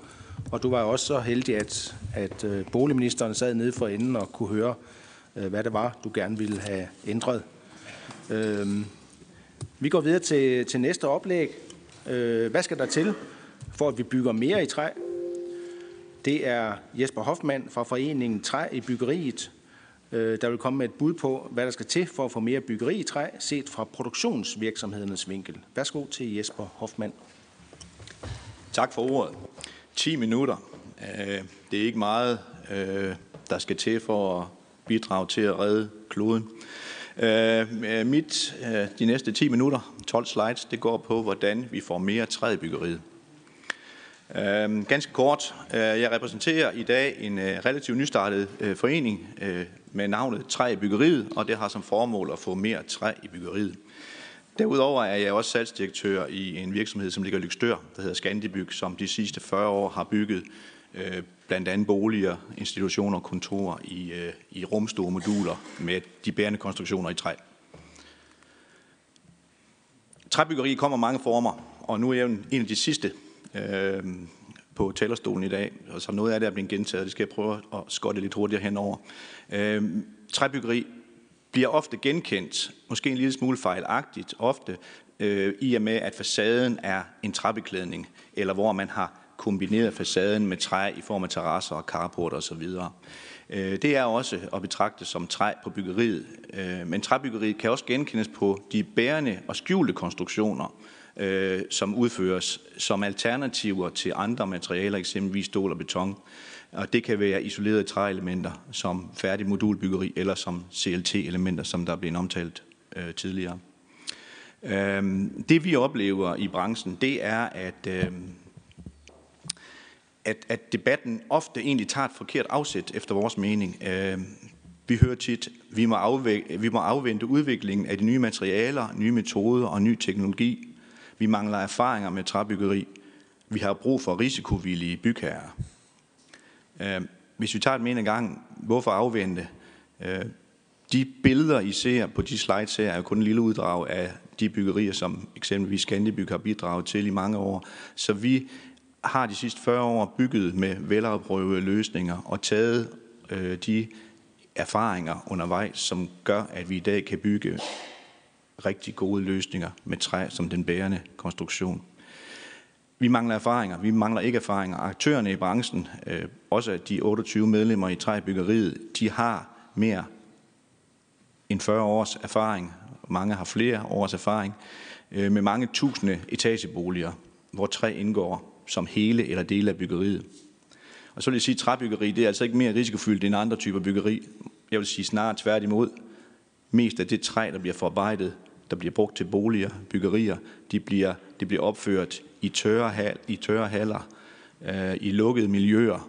Man står ikke og bygger ude på byggepladsen uden afdækning. Øh, og mange af de større bygherrer har også set fordelene og bygger allerede i træ, og der har jeg nævnt et par stykker. Øh, så er der, byggeri, så er der byggeriets holdbarhed. Øh, dem, der, dem bliver også i talesat. Vi skal gøre opmærksom på, at man har altså brugt træ i byggeriet og 100 træbyggeri og brugen af træ har ved korrekt anvendelse ekstremt lang levetid. Hvis man slår op i Kunstakademiets arkitektskoles øh, forskningsskriv, øh, øh der kan man se, at tagværker i fyrtræstømmer, de har står til en levetid til 750 år. Kigger man på bindingsværk, fire, nu er det ikke så meget bindingsværk, vi bygger, men det er dog en, som en del af den bærende konstruktion. De ligger i etagedæk i en stor del af det indre København. De har altså holdbarhed op til 3-400 år. Og ser man på udvendige linolie-malede brædbeklædninger, så har vi en holdbarhed til 250 år.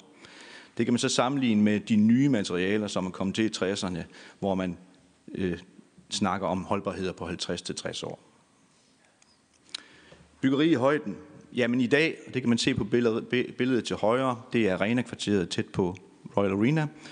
Øh, vi leverede for et lille års tid siden. Vi kan allerede i dag bygge op i fire etager, og det har vi gjort i årtier. Den seneste vejledning med, med træbyggeri, øh, der er der nu allerede nu faktuelle løsninger på, hvordan vi kan bygge op i seks etager. Michael har været lidt inde på det, og jeg kommer også lidt tilbage til, hvad der er udfordringen der. Så lad os endelig øge andelen af træ op til fire, og inden så længe op til seks etager. Øh, og mens vi søger viden om endnu højere hos eksempelvis vores nordiske naboer, så kan vi drage nytte af den viden, vi har i dag. Brandkrav. Den nye vejledning, også som Michael var en lille smule øh, inde på, øh, virker en kende for os, der nyligt har læst den og sat os ind i den, en kende uambitiøs. Den er stadig uklar i formuleringer, og det kan tolkes forskelligt fra sag til sag, og det overlader rigtig meget til den enkelte sagsbehandler. Og ofte så oplever vi også, at den stedlige brandchef stadigvæk har den endelige godkendelse. Og jeg har lært et nyt ord herinde for de sidste par måneder, der hedder indsatstaktisk traditionelt. Det skal vi angive i vores øh, anmeldelser af byggeriet. Det tror jeg, vi kommer til at øve os på. Øhm, andre materialer som stål og beton har langt flere klare regler via eksempelvis præaccepterede løsninger. Vi mangler præaccepterede løsninger i træbyggeri i flere etager, og det kræves ikke nødvendigvis overlang forskning, men reelle praktiske forsøg og certificeringer hos eksempelvis akkrediterede institutioner som Teknologisk Institut og DBI. Med vejledningen, som den foreligger lige nu, er der en risiko for, at det ikke bliver lettere at bygge højere i træ. Det bliver i hvert fald forsinket. Hvad skal der så stilles krav om? Der skal stilles krav om, at der skal være fokus på den indlejrede, energi, og kraven skal komme fra bygherrene og ikke mindst fra lovgiverne. Der skal være krav om dokumentation, om certificeringer. Der skal lægges sammenlignelige LCA-beregninger. Det kan også være, at der skal være noget pisk og noget gulerod. Det kan være, at der bliver nævnt, at man skal have øh, specielle fordele ved prækvalifikationer, hvis man kan levere øh, dokumentationen. Og det kan også være, at man skal have en lettere sagsbehandling ved at komme med noget gennemarbejdet materiale. Og her må de offentlige bygherrer naturligvis også gerne gå forrest. Og så skal vi selv internt, øh, det gælder hele vejen omkring bordet, afholde os for at indlede, indlede materialekampen og pege fingre af materialer. Byggebranchen skal i stedet arbejde mod fælles mål øh, om øget bæredygtighed og mindre CO2-udledning. Byggematerialerne skal bruges rigtigt. De afprøvede og mest bæredygtige materialer skal erstatte andre, og i andre tilfælde skal de supplere hinanden. Og så skal vi i træbranchen fortsætte med at gøre kunderne opmærksom på træets åbenlyse kvaliteter som et troværdigt, afprøvet og bæredygtigt byggemateriale.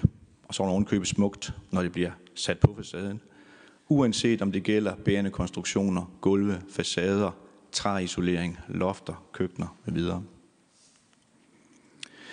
Det er ikke så meget omkring træbyggeri, men jeg tror også, det er vigtigt, at vi får bragt det her spil, øh, når reglerne og retningen skal sættes. Det er design for adskillelse. Øh, og det er uanset materiale, så skal, der være, øh, så skal der være fokus på at indtænke strategier for adskillelse, således at når et byggeri efter en bro efter 40-50 år kan skilles af igen og genbruges som erstatnings- og genbrugsmateriale og andet byggeri. Billedet her er en gammel børneinstitution, vi øh, leverede for 30 år siden som en permanent institution. Børnetallet i området, det faldt. Den stod forkert uhensigtsmæssigt. I sidst for et halvt års tid blev flyttet til et andet sted i Jylland og bygget om til tre sommerhus. Og så er løsningen her jo egentlig allerede, og jeg skal ikke gentage det, fordi træ har der været nok af, men sådan en enkelt grænkogle her, frøene herfra, jeg kan høre det rasler, der er nok til at levere træ til et mellemstort dansk parcelhus. Tak for ordet.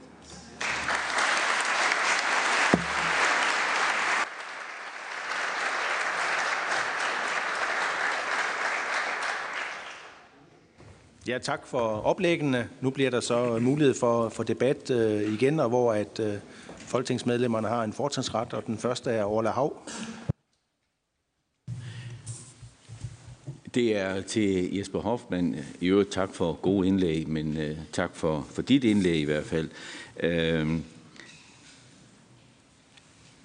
en af kilderne til øh, de hurdler, som I beskriver, det er vel lidt, at øh, der er rigtig mange, der sidder og lurer på, hvor meget er det driftsmæssigt, vi påtager sig af ekstra udgift ved at skulle ekstra vedligeholde træbyggeri og sådan nogle ting.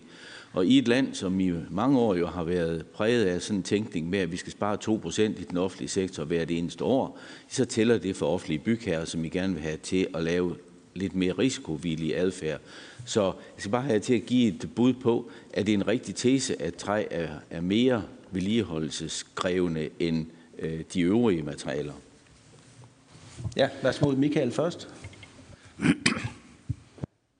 Det er ikke nødvendigvis en korrekt tese. Altså, konstruktionstræ er jo typisk indbygget i bygningen og står øh, tørt og beskyttet og kræver ikke noget vedligehold og har også derfor en meget lang levetid.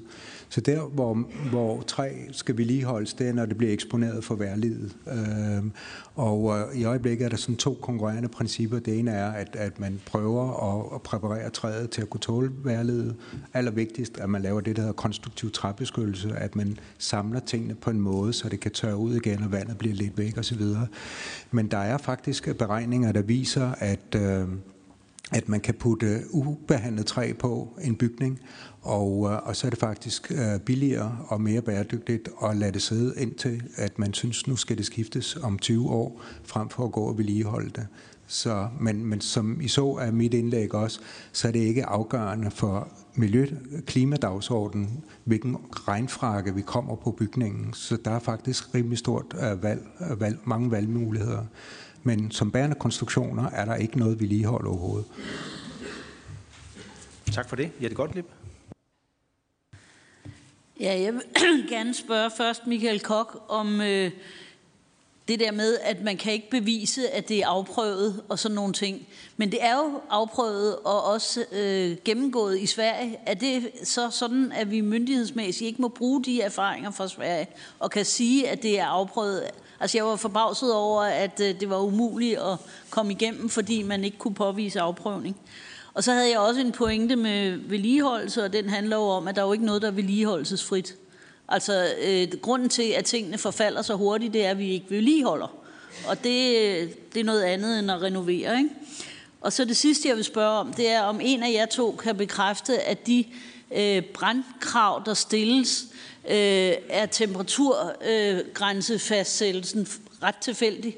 Altså om det er 600 grader, tingene kan tåle, eller om det er 800 grader, og at øh, man ikke kigger på hele konstruktionen, men at øh, for eksempel en væg, men at man kigger på øh, bestemte elementer i det og kræver, at alle elementer af dem skal være brandhæmmende eller brandsikre. For at tage den, øh, den sidste ting først, som er den mest komplicerede, så er det netop det clash, der er mellem materialekrav øh, og så øh, hvad hedder det, brandmodstandsevnen. Hvis man kigger på brandmodstandsevnen, som er den europæiske måde at regne det på, så kigger man på den samlede konstruktion. Så er det ikke temperatur, men hvor længe den kan modstå øh, brandpåvirkningen. Det, der så forvirrer det, det er, at vi har nogle gamle materialeklasser, øh, og, øh, og der har man nogle krav om, for eksempel på træbeklædning, at det skal være homogent. Den, den fortolkning har været væk i en periode, men den er dukket op igen i de nye anvisninger. Og øh, man kan ikke have en øh, homogen brandimpregnering af et træprodukt, fordi hvis man kan det, så er det lavet af splinttræ, og splinttræ er ikke særlig holdbart. Så der er en konflikt mellem de to ting. Men som, det, som fortolkning er lige pt., så skal man kløve brættet og test, brandteste fra indersiden, som jo ikke er den måde, det vil er påvirket i det virkelige liv. Så, så, så det er sådan lidt absurd. Og, og, øh, og jeg tror, den bedste løsning er at holde op med at have de der danske klasser, men simpelthen at, at tage den europæiske, hvor det er den samlede konstruktion. Men der skal vi have mod til at få nogle eksempler, hvor vi siger, jamen hvis det her består, så vil det også gælde for de og de kombinationer, for ellers så ryger vi ud i ufattelig mange uh, testresultater. Vi kan heller ikke, øh, det jeg nævnte, vi kan ikke overføre resultater af prøvninger for Sverige øh, og Norge direkte, fordi vi har ikke de samme brandkrav i, øh, i, i Danmark, som vi har i de øvrige nordiske lande. De har jo været meget klare på, at man ikke skal redde værdi. Det, det er der som sagt noget uklarhed i fortolkningerne. Der er ikke nogen krav i bygningsreglementet om, om øh, bevarelse af værdi.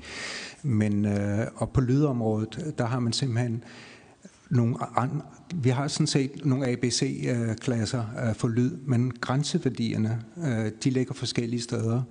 Og, øh, og nu lyder det måske lidt underligt, at jeg siger, at akustik ikke er en eksakt videnskab på den måde. Det er meget svært at beregne sig til, hvordan det faktisk vil agerer i, i virkeligheden.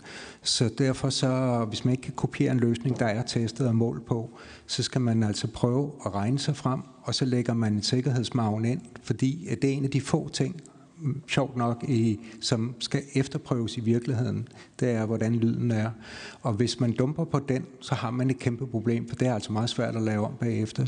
Så når vi laver nye projekter, så går man med livrem og sæler, og så kommer bygherren og siger, jamen det er jo langt over målet, har vi betalt for det? Øh, der er sådan en kultur om, at vi skal ikke være bedre end lige hvad loven kræver jo. Øh, så derfor så kunne det være nyttigt i hvert fald for at fremme øh, i en overgangsperiode det lette byggeri og sige, men vi indfører for det lette byggeri, træbyggeriet, de grænseværdier, der er kendt i vores nordiske nabolande. Der vil være en lille smule mere transmissionsstøj, end det vi har i bygningsreglementet lige nu, men det er måske det trade-off, vi skal have i forhold til øh, en hurtigere bæredygtig omstilling øh, på en nemmere måde. Og så dit første spørgsmål, det gik på, der var tre spørgsmål. Okay, yes. Godt. Øh, tiden er ved at løbe lidt for os, så hvis øh, både spørger og svarer øh, laver det skarpt og præcist. i Augen er den næste. Mange tak. Det er til Michael. Øhm, du siger, at man skal kunne CO2-offsætte det træ, som faktisk jo opsuger CO2. Der kan man jo være bange for dobbelttælling, at det både kan tælle derude, hvor det bliver dyrket, og så også får en eller anden værdi der. Er den bedste måde at give træet den positive værdi, ikke at lave en LCA, hvor det faktisk ikke bare tænker, tæller 0, men faktisk mås- måske tæller som en positiv faktor, hvis man putter træ ind, når man laver den samlede livscyklusanalyse. Øh, og det andet spørgsmål er, du snakker, vi har, altså når man har arbejdet med det her lang tid, finder man ud af, det der, den der brandmodstand, den virker næsten politisk nogle steder. Den virker mindre teknisk, end den virker politisk. Kunne du sige noget om, hvor du tror, modstanden sidder mod at få lavet de her præ, præaccepterede løsninger og få ryddet op i noget af det her? Øh, er, det, er det noget systemisk, hvor man ligesom med gamle vaner, eller hvad er det, der er på spil? Eller hvis nogen af andre tør at sige det, fordi det er altid nemmere for en minister at få fundet ud af, hvor nogle gange modstanden sidder, øh, hvis nogen tør sige det højt. Og det andet, det er, øh, det er til, øh, det er til øh, Jesper Hoffmann. Øh, det er bare, nu blev der talt lidt om arbejdsmiljøet i et af de tidligere, jeg tror det var Robs indlæg. Øh, er der noget på, som helst på, på indeklima i forhold til træ? Er der noget med åndbarhed, øh, og er det forskel på limtræ og almindelig bygningstræ? Yes, det er rigtig gode spørgsmål. Hvis I kan svare præcist og godt og øh, hurtigt, så er det rigtig fint. Ja, I stiller store krav. Øh, jeg vil sige, at den med offsettet, øh, man har den udfordring, at der findes en europæisk standard for, hvordan man skal regne LCA, og det kan Harper bedre svare på end mig. Så det er nok svært, øh, medmindre man bliver enige på europæisk plan om at indføre det. Men man kunne, og det er selvfølgelig lidt en politisk udmelding, jo overveje, som også øh, Ole Birk øh, har, har været inde på at sige, at vi skal omlægge vores afgiftssystem, sådan, så man betaler for at udlede CO2, men omvendt bliver præmieret for at opbevare CO2 så vil det give et incitament for dem, der netop laver læring. Og det vil sige, at man vil faktisk få en, en præmiering ved at indbygge øh, CO2 i træ, og dermed også hjælpe det, som boligministeren har været inde på, at det kan være udfordrende at lave social boligbygger inden for den økonomiske ramme i, i Københavnsområdet.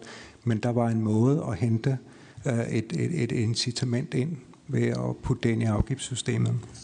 Med hensyn til, hvorfor vi har den uh, rigide tilstand i, i brandlovgivning.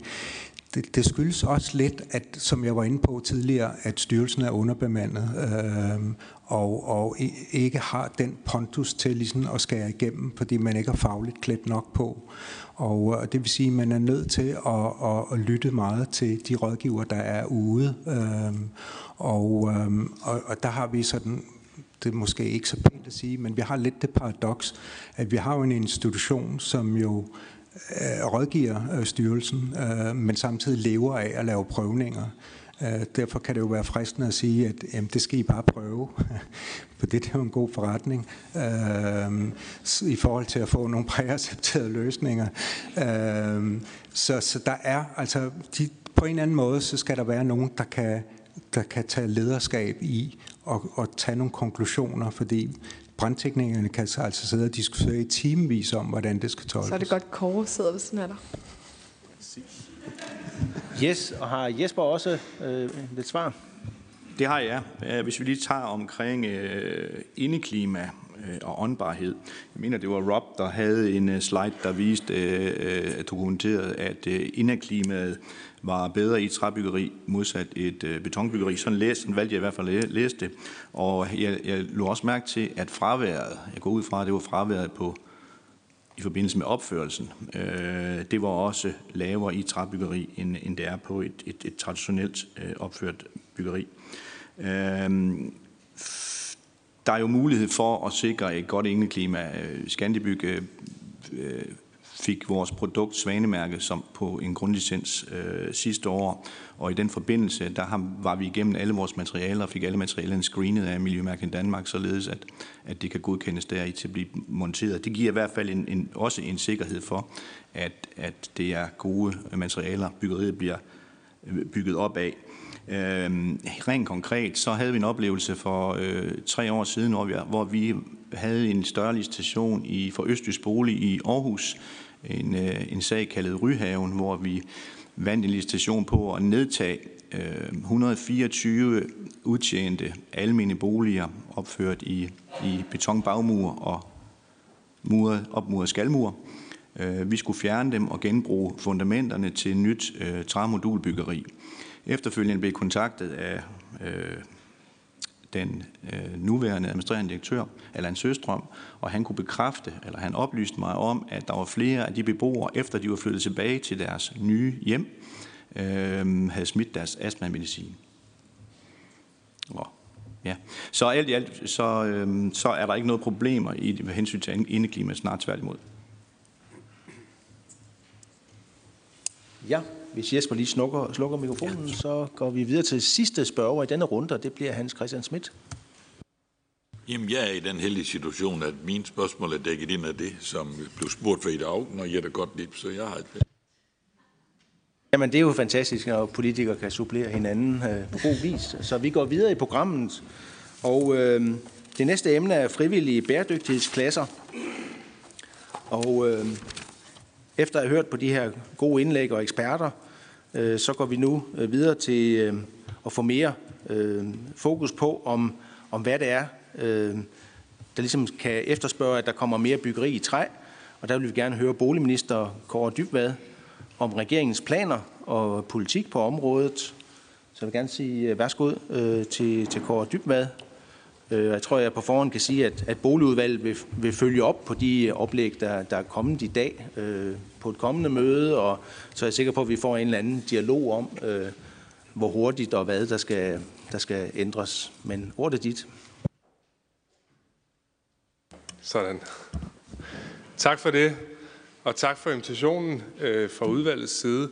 Øh, jeg selv, øh, som noget af det første, da jeg blev Øh, minister begyndt at få øjnene op for træbyggeri. Jeg har fundet ud af, at det er en diskussion, som vækker mange følelser øh, ude blandt folk. Øh, jeg blev kaldt populist i et debatindlæg i børsen, fordi jeg talte for mere træ i byggeriet. At det tænker jeg, det, det kan godt være populist i andre sammenhæng, men lige præcis på bygningsreglementet er det nok øh, en lovlig teknisk sag at være populist på. Der er ikke mange løse vælgere i den. Men, øh, men, men, øh, og på samme måde så har jeg i hvert fald en kollega i integrationsministeren, som, som troede med for første gang at, at nedlægge veto imod øh, mere træbyggeri. Han er selv mursvend. Øh, men, øh, men så er det jo godt, her i Folketinget er der øh, et klart flertal af tømmersvend over for mursvend, ja. Øh, så der kan vi holde fokus på, på træbyggeriet.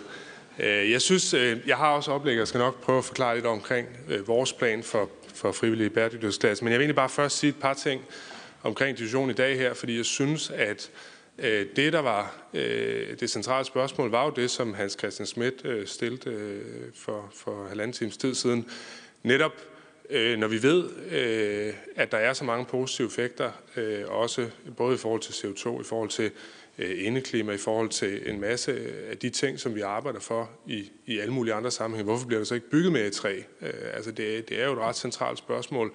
Jeg tror, der er en række hvad hedder det, årsager. Jeg tror først og fremmest, der er en historisk årsag. Nu øh, blev en Marshallhjælpen nævnt. Øh, jeg tror også lige så godt, man kunne pege på øh, det lovgivning, man lavede i 1960 og 1962, som hed modul- og montagecirkulærerne, hvor man sagde, at alle øh, støttede nybyggerier, de skulle bygges i betonelementer. Det var Statens Byggeforskningsinstitut, der, der dengang ligesom gik foran i effektiviseringen af byggeriet. Høj Gladsaxe som sådan det mest dominerende, hvor man simpelthen kunne, kunne bygge øh, byggeriet på en måde, så påstod man, at man kunne flytte ind i stuen, før det var bygget færdigt på 16. etage, fordi det simpelthen var så effektivt og velkoordineret gennem betonelementer. Så der har jo været en fortrængning historisk af nogle af træelementerne i vores byggeri. Hvis man tager ud i de københavnske brugkvarterer, så er det jo nok, som det er blevet nævnt, øh, langt størstedelen af byggerierne der har jo træskelet øh, fra, fra slutningen af 1800-tallet, øh, og så er der selvfølgelig tegl udenpå øh, i forhold til værlig osv., men, men udgangspunktet er jo, at, at det har været et materiale, som vi i Danmark har haft som, som et af de helt centrale, øh, og der har, der har øh, industrialiseringen af byggeriet jo betydet, at man har skubbet det ud øh, igennem en overrække, og nu tror jeg i virkeligheden, at vi står et sted, hvor, hvor vi er klar til at at få det tilbage øh, ind i den position, som det altid, øh, eller i hvert fald det meste af vores historie har haft i byggeriet. Så vil jeg sige, at der er selvfølgelig også nogle af os, der er politikere, som bærer en stor del af ansvaret. Jeg tror, nu har der været en del, øh, synes jeg, gode pointer omkring bygningsreglementet. Det øh, har jeg sat gang i, og også bedt dem om at udvide de eksempelsamlinger, som er. Men det er klart, der er et længere arbejde. Vi havde en diskussion om det på Nordisk Råd øh, i oktober, hvor at øh, den tidligere svenske og nu islandske formand har sat gang i et arbejde for at prøve at skabe forudsætning for nogle mere fælles standarder i forhold til at kunne bygge på tværs. Og det er jo nogle af de lande, øh, Norge og Sverige især, hvor der virkelig er mange forskellige øh, hvad hedder det, gode eksempler på, på træbyggeri. Så det er den ene del, det er bygningsreglementet. Den anden del er selvfølgelig øh, de offentlige bygherrer. Øh, vi bygger en del byggeri i staten. Øh, der er selvfølgelig også kommuner og regionerne. Det, jeg ved ikke, om et supersygehus kan laves i træ. Det er måske ambitiøst at starte på, men, men, hvad hedder det? men jeg har i hvert fald tænkt mig for det, som jeg nu kan påvirke og, og sætte fokus på også, at vi for, fra statens side går ind øh, og er med til at skubbe på øh, i den her udvikling.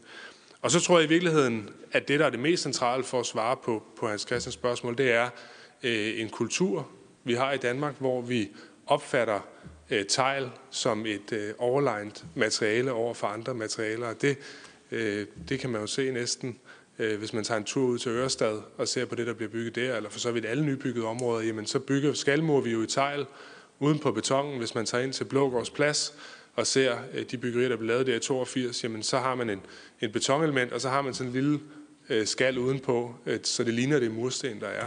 Øh, og det er jo fordi, jeg kan ikke finde andre forklaringer på det. Øh, selvfølgelig er der et spørgsmål om vejret osv., men det kunne man have løst meget billigere end at skalmure. Det må være fordi, vi som folk opfatter det, øh, at der er mursten på ydersiden som et kvalitetstegn, som ikke øh, kan, kan opfyldes af, af andre materialer. Øh, og der tror jeg også, vi har en opgave i forhold til en større diskussion om, hvad, hvad er godt byggeri, og hvordan, øh, og hvordan bygger vi det på en måde, så, så der også er kvalitet ind i det. Men bare for at sige det også, jeg tror, det vigtige er, at vi får træet tilbage. Jeg tror ikke, vi skal fortrænge beton, fordi jeg tror også, der er... Øh, i, øh, nogle gange, når jeg hører det, så, så tænker jeg også, at det vil være ærgerligt, fordi vi jo i virkeligheden i Danmark er nogle af dem, der er længst med at prøve at lave beton, som har et mindre CO2-aftryk. Og uanset hvor gode vi bliver øh, i forhold til træbyggeri, så vil man jo stadig skulle lave fundamenter øh, i øh, beton. Man vil jo stadig skulle øh, Øh, bygge veje og bygge jernbaner osv., hvor man ikke, øh, det tror jeg i hvert fald ikke på nuværende tidspunkt, vi kan lægge træelementer ind som, som fundamenter, øh, broer osv. De steder. Så der vil stadig være beton, og det tror jeg også er vigtigt at holde fast i, at, at der er en selvstændig opgave der i forhold til at sikre, at det har en mindre, et mindre aftryk, end det har i dag. Men træbyggeriet er for mig en af de steder, hvor vi virkelig kan vinde noget, og hvor at jeg også tror, Øh, både æstetisk og i forhold til, til vores byudvikling og de byer, øh, den boligkvalitet folk har, at der er øh, nogle, nogle, nogle rigtig gode perspektiver. Og det har jeg arbejdet for, og det vil jeg fortsætte med at arbejde for, bliver mere udbredt.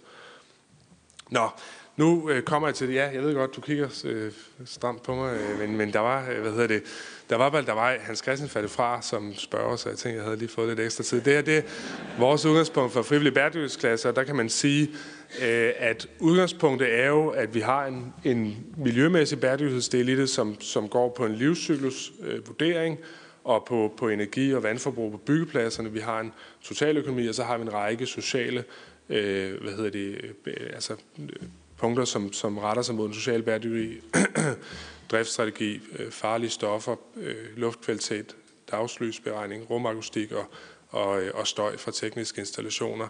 Øh, og det er, det er det udgangspunkt, øh, som vi har nu. Det er klart, der er ikke noget, der er, er støbt i beton, for nu at bruge øh, øh typisk udtryk, øh, øh, på den måde, at det er selvfølgelig også øh, en del af den overordnede strategi for bæredygtigt byggeri, og det er jo både en diskussion, vi skal have øh, med jer som branche, dem der administrerer branchen, men også selvfølgelig en politisk øh, diskussion. Så bliver der spurgt blandt andet Frida Augen til, hvordan er så tidsperspektivet i det. Øh, vores udgangspunkt er øh, det her, altså at vi udgiver øh, i løbet af første halvår her øh, den øh, hvad hedder det, frivillige bæredygtighedsklasse, og så vil der være et par år øh, til øh, evaluering og, og, og afprøvning af de krav, og så vil det blive øh, krav i bygningsreglementet, altså øh, obligatorisk. Øh, og det, øh, der blev sagt, vi havde ikke fem år. Jeg ved ikke, om vi har to år. Det må være en politisk diskussion også, men, men, men det er i hvert fald øh, vores udgangspunkt for, øh, for det videre arbejde herfra.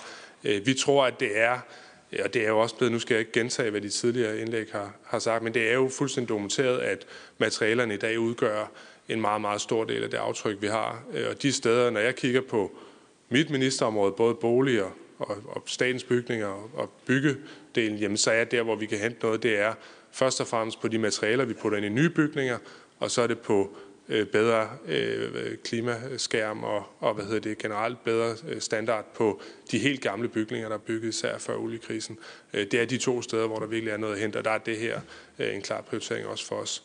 Så det er mit udgangspunkt her. I må endelig også øh, spørge ind til det. Jeg kan ikke være eneste tekniske detalje i det, det, det vil jeg gerne sige til at starte med, men, men jeg skal gøre så godt jeg kan og, og vende tilbage, øh, hvis der er noget, jeg ikke kan svare på nu her.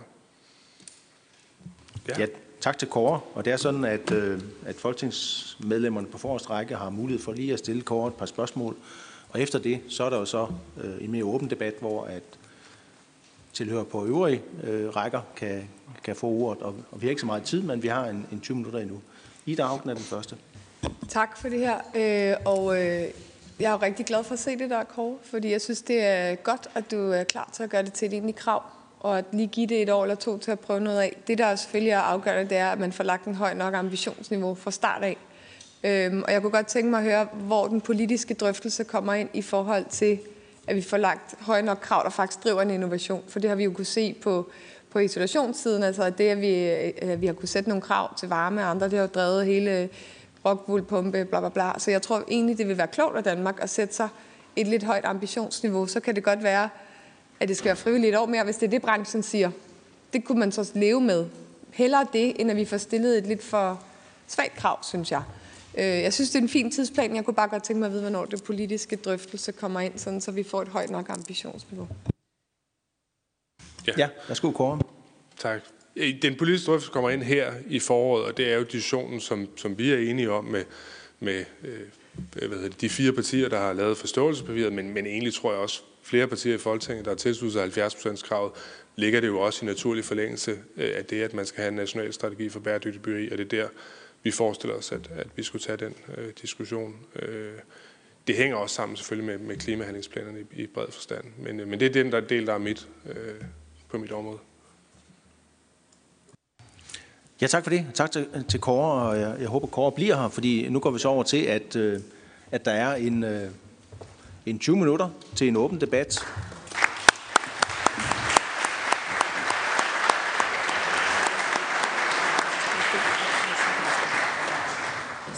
Ja. Og så, øh, så har vi et par mikrofoner i salen, ved jeg, og øh, øh, vi vil give mulighed for, at, at andre også kan få ordet. Jeg vil bede om, og, at dem, der får ordet, siger deres navn og, og hvor de kommer fra. Så ordet er, er frit eller åbent nu. Hvis der er nogen, der vil have ordet. Og Michael Kok havde øh, markeret, så han kan lige øh, sige noget, mens I overvejer at stille spørgsmål.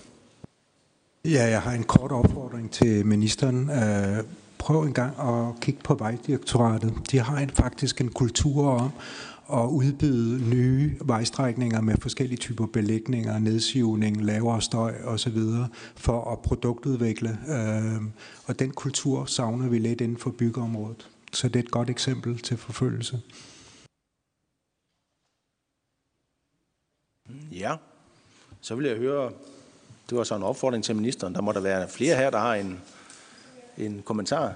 Jamen så, så vil jeg spørge sagen. Så var Ida. Må jeg ikke spørge sagen? Først, er der ja. nogen, fordi nu har jeg været på Building Green og andre steder, der ikke mener, at det vil være godt for innovationen i sektoren at stille nogle bindende krav? For det kunne være vigtigt for det politiske, om vi, øh, om vi kan, hvis vi stiller dem klogt nok og giver tid til at, at involvere, er der så nogen, der vil tale imod at lave bindende krav til bygningsreglementet? Ja, er der nogen, der vil tale imod det? Fordi så er I jo blevet fanget. Der er en enkelt, der vil tale imod. Værsgo. Lige, der er lige en mikrofon om et øjeblik. Og så hvis du lige starter med at sige, øh, øh, hvad du hedder og hvor du kommer fra. Ja, Eli Hode, Dansk Industri. Og jeg er ikke øh, uenig i den retning, der er sat her. Og jeg tror også, det ender med krav. Det jeg ikke ved, det er, hvornår vi er klar til at stille krav. Fordi det er jo rigtigt nok, man skal lave LCA-beregninger, men man skal jo have nogle data at regne på grundlag af. Og der er vi bare ikke nu. Øh, vi afventer faktisk, at der kommer nogle flere europæiske standarder, som gør det muligt for os at få nogle ensartede deklarationer i vores byggevarer, så man får et øh, troværdigt grundlag for beregningerne. Og det synes jeg, man skylder, fordi det værste, der kunne ske, det er jo, at vi får lavet nogle LTA-beregninger, som viser sig ikke at holde. Så ja, enig i retningen. Jeg ved bare ikke, hvornår vi er klar. Fordi der er noget bagvedliggende, som vi skal have styr på. Og det har vi ikke haft tid til at drøfte i dag. Så, så, og det, det er fair nok, det er heller ikke nu. Men bare for at sige, retningen er rigtig, men grundlaget skal jo være på plads for beregningerne, for ellers risikerer vi jo at gamble med bygningsmassen. Ja tak. Ja, Michael Kokke er i hvert fald klar til at svare. Jeg vil lige minde om, at øh, for at vi ikke skal være alt for berøringsangste, øh, så er det jo et benchmarking-værktøj. Altså energirammeberegninger viser heller ikke det faktuelle øh, forbrug. Det må man ikke tro. Så vi skal ikke sådan øh, jage, at det bliver et perfekt værktøj. Til at starte med skal vi betragte det som et referenceværktøj, så vi kan se, præsterer vi bedre her end i nabobygningen, eller ikke mål på de her parametre. Det bliver ikke nødvendigvis en fuldstændig 100% øh, sand øh, besked. Den bliver bedre over tid. Jo længere vi regner på det, jo bedre standarderne bliver. Så det skal ikke tage modet fra os. Ja, og Harper har også en kommentar. Øh, ja, jeg tænkte bare lidt at oplyse. Altså, vi regner jo LCA nu. Øh, så vi gør det nu. Det, vi har regnet LCA i forbindelse med DGNB-certificering i cirka 8 års tid. Øh, og der har man startet man jo med, fordi man ikke havde en national database i Danmark for miljødata, ved at bruge en tysk national database, som hedder Økobag, og den har man samlet sig, og det kunne man godt til at bruge. Samtidig har man jo øh, øh, EPD Danmark, altså Miljøvaredeklarationens øh, institutionen for øh, Miljøvaredeklarationer i Danmark, hvor der bliver udviklet i stigende grad danske øh, miljøvaredeklarationer. Og vi kan jo se, at nabolandene omkring os, øh, altså øh, Finland og Norge og Sverige, arbejder jo på at gå i den samme retning, ud fra de samme øh, europæiske standarder, som vi har, vil jeg sige. Tak for svaret. Så har vi øh, to spørgere. Værsgo. Tak. Øh, Peter Brun, ATP Ejendom. Øh, to spørgsmål i forhold til den frivillige bæredygtighedsklasse. Er, hvor langt er vi der fra de certificeringsordninger, vi eksempelvis kender DGNB? Altså, hvor, langt, hvor stor forskel er der på, på det, der nu bliver en frivillig ordning og det? Og det andet spørgsmål, nu bliver der jo talt om her, men skal vi ikke bare stille kravene og sådan noget? Jamen, det, det kan vi sådan set godt. Vi taler meget her om om kravstilling og byggereglement. Hvad med det positive incitament? Altså er der en eller anden bonus ved at gøre det? Altså øh, kunne man forestille sig, ej, det vil jeg ikke engang kaste mig ud i det, men, øh, men det kunne man godt forestille sig, at der var nogle guldrødder, også øh, gennem i systemet. Ja, det var vist mest til Kåre. Ja, jeg, jeg vil meddele nu her også, fordi jeg sidder med så mange eksperter her i dag. Jeg kan ikke 100% sige, hvad for nogle af de forskellige krav, der er i DGNB, sølv, guld og platin, som går igen i forhold til øh, også, hvad for nogle af de niveauer, det skal være. Men jeg vil gerne svare på det i mere fyldskørende teknisk øh, sammenhæng. Men udgangspunktet for os er, at vi har en byggebranche, som har efterspurgt at få en frivillig bæredygtighedsklasse, og, øh, og det øh, har vi været interesseret i, men, men på et eller andet tidspunkt, ligesom med mange af de andre krav, der er kommet, så vil det jo blive obligatorisk. Og i lyset af, at vi jo gerne skulle på en eller anden måde have bygget nogle af de byggerier færdige, inden vi når 2030, øh, så, så tænker vi, at, at der er en relativt kort antal år fra, fra det bliver frivilligt, og så til, til, det bliver, øh, til det bliver obligatorisk. Og så man sige, øh, hvis man skulle give en støtte til det, øh, altså det, det kan godt være, at jeg kunne få øh, finansministeren, jeg ved det ikke, øh, men, men, øh, men det er vel grundlæggende sådan, at, at alt det, der bliver bygget, er det jo slutbrugeren, der betaler for. Altså, så, så hvad hedder det, så, og vande det parcelhus, øh, eller det er almindelige byggerier, eller om det er privat udlejningsbyggerier, de, det, det koster ekstra, ligger jo på dem, der flytter ind i det. Øh, det er vi jo klar over, og, og derfor kan man sige, det vil jo være en subsidiering af, af folk, der flytter nye byggeri frem for andre typer af byggerier. Og jeg ved ikke, om, om, om der ikke også så vil komme nogle andre udfordringer af det. Øh, det, det tror jeg måske. Ja, så har vi to spørgere mere. Jeg tror, det var her på nummer to række. Første række. Første række, eller? Ja, det ja første række. Første tilskuerrække. Ja, Stil Larsen, Enhedslisten, Alberslund.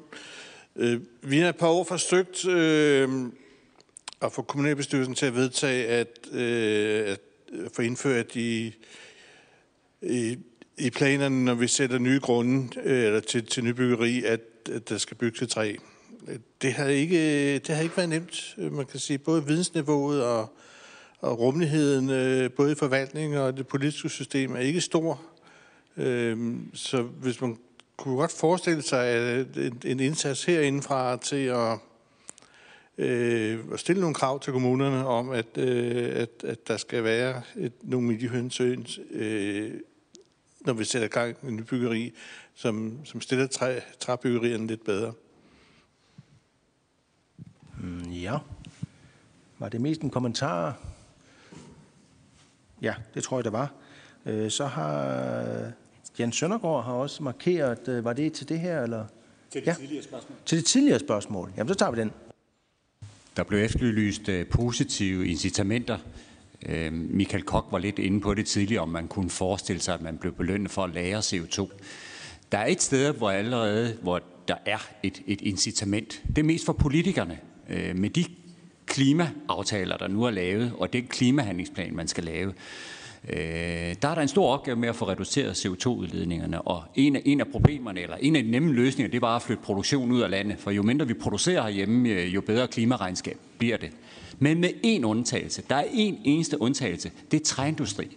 Jo mere træindustri vi har i Danmark, jo mere positiv, jo mere carbon negativ bliver den indsats faktisk regne. Og det synes jeg er interessant. Selvfølgelig både den skov, der, der bliver plantet herhjemme, og det træ, der bliver produceret, regnes negativt. Men hvis vi også forarbejder træet, og derefter bruger det i, i, øh, i vores byggeri, så bliver det faktisk regnet som en karbon-negativ indsats. Og det burde jo alt andet lige sige også til, til, til Folketinget, som udover at lave, lave klimamålsætning, også skal sørge for, at vi har nogle arbejdspladser og noget at leve af, og sige, jamen selvfølgelig skal vi sørge for, at vi også har en dansk træindustri, som faktisk laver de produkter, vi bruger i byggeriet. Så det var et eksempel på et positivt incitament, som politikerne bør samle op. Ja tak. Andreas, du havde en spørger. Med et Kvist, Green Building Council. Det er også der varetager DGNB.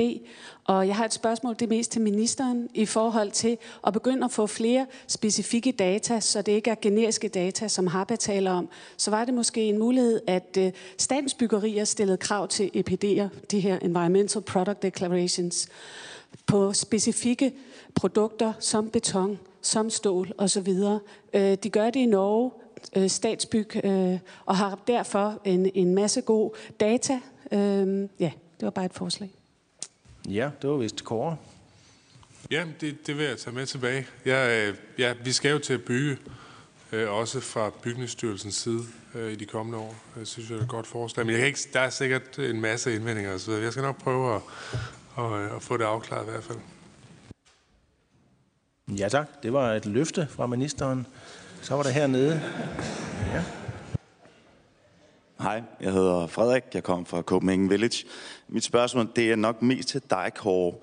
Altså, vi snakker om relativ størrelse her i dag, og der er kun så og så mange træer. Øhm, men vi opfører en hel masse byggeri, øhm, og har kun én planet. Altså, skal vi til at også at snakke lidt om, hvor meget byggeri øh, vi skal opføre, og hvor mange kvadratmeter og kubikmeter øh, vi hver især øh, kan lave. Altså et gennemsnitligt dansk parcelhusbyggeri, tror jeg, er på 200 kvadratmeter snart, og der bliver banket det ene øh, kontorbyggeri op efter det andet. Øh. Ja, har Kåre en kommentar til den? Ja, altså, det, jeg, nu har jeg, jeg tror ikke, jeg har så lang tid, som jeg gerne vil have til at svare på det spørgsmål, men, men det er jo en helt principiel diskussion, altså, som handler om, at, at det vi bare kan se, det er, at jo mere velstående vi er blevet, jo mere plads er folk efterspurgt, øh, og hvis man typisk, hvis man sidder sammen med arkitekter, så plejer jeg altid at sige til dem, at, at parcelhuset, det er, det, det er danskernes yndlingsboform, øh, fordi så er der nogen, altid nogen, der bliver lidt provokeret over, at jeg siger det, men, men det er jo sådan, det er. Altså, folk vil gerne have et parcelhus, og dem, der bor centralt i København, mange af dem vil også gerne have et parcelhus. Det er muligt at få det. Det koster bare 10 eller 12 millioner, hvis man skal have det herinde. Øh, og der tror jeg bare, hvis man ser på, jeg kan huske, øh, jeg tror det var Nybolig, lavede noget, der hed Danmarkshuset i år 2001, hvor de så sagde, et 135 kvadratmeters parcelhus på tværs af kommuner, hvad koster det? Og det var et udtryk for, at dengang, øh, for bare 20 år siden, der var 135 kvadratmeter, det var det, der var normalt for en børnefamilie med to børn, hvor i dag har du ret i, hvis man ser på, hvad der bliver bygget på huskompaniet og IBK og hvem der ellers laver det, jamen så er man jo på 170 kvadratmeter, 180 kvadratmeter typisk. Og der sker jo det ryg, øh, og jeg tror ikke på, at vi kan... Jeg tror, der er blandt unge mennesker en bevægelse den modsatte vej, hvor man siger, at man vil hellere bo på relativt få kvadratmeter, ligesom det I laver, eller det, som bliver lavet i Nordhavnen, og så har man måske nogle fællesarealer. Men at det at bo centralt i en by øh, på mindre plads betyder mere end at bo lidt mere decentralt på større plads. Øh, den, den udvikling tror jeg, men for børnefamilier som jo stadig fylder en, en del, øh, uanset at de selvfølgelig også kan have forskellige former, øh, der tror jeg stadig, at man, man efterspørger rimelig meget plads. Altså, øh, og det, jeg tror ikke, jeg har svært ved at se det gå nedad øh, umiddelbart. Altså, øh, jeg ved, det er jo ikke for at være deprimerende eller for sådan at, at ødelægge noget. Eller sådan. Jeg tror, det eneste, der går imod det, det er, at der også er samtidig en tendens til, at der er nogen, der, der værdsætter central placering meget højere, end man gjorde tidligere. Øh, så jeg tror, ja, nej, det, det bliver også, øh, det, det, jeg synes, det er en utrolig spændende diskussion, fordi der er mange perspektiver i det, men, men vi er gået på, mod længere plads, eller mere plads øh, henover, øh, ja, så langt tilbage, som vi kan huske i Danmarks historie, stort set. Tak for det. Jeg tror, vi har to fra salen, og så har vi Hans Christian Schmidt, og så skal jeg runde af. Jeg tror ikke, vi når mere end det. Værsgo. Tak. Øh, jeg hedder Signe Sand, og jeg kommer fra den Grønne Studenterbevægelses Byggeriudvalg. Og ja, jeg vil gerne lige starte med at sige tak for nogle virkelig, virkelig spændende oplæg i dag. Mange af vores kæpheste i Byggeriudvalget er blevet luftet, uden vi har rørt en finger, så det er virkelig dejligt. Øhm, for eksempel så er jeg jo glad for at høre, at der er øh, måske er planer inden for et år et par år om, øh, om loft over CO2-udledning per kvadratmeter i byggeriet. Øh, men jeg kunne godt tænke mig at spørge, øh, ind til, spørge ministeren ind til sådan de lidt mere langsigtede planer, fordi vi, er, vi har jo den bundne opgave, at vi skal gå i netto 0 i 2050, og øh, det må vel alt andet lige også gælde for byggebranchen, at vi skal have en netto 0 udledning øh, per kvadratmeter i 2050. Er det, er det nogle overvejelser, der er med inde i, i planerne, i de strategier, I begynder at, at lægge frem nu, for hvordan vejen ned mod det nul nås?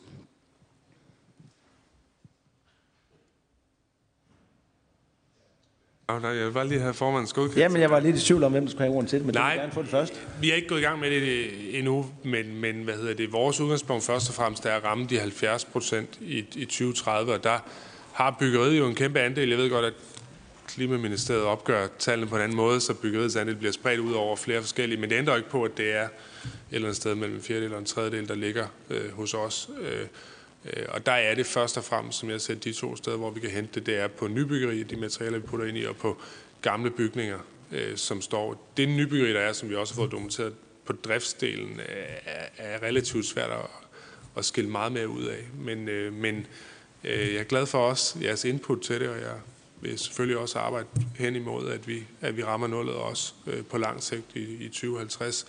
Jeg er bare ikke teknisk nok inde i det nu, det skal jeg også være ærlig at sige. Jeg har arbejdet tidligere selv med byudvikling af boliger og sådan noget, den del, øh, men, men, men det tekniske i forhold til bygningsreglementet har ikke, har ikke været så meget nede i. Så, så jeg håber, vi kan mødes om, om et halvt år, så kan jeg give dig et mere uddybende svar.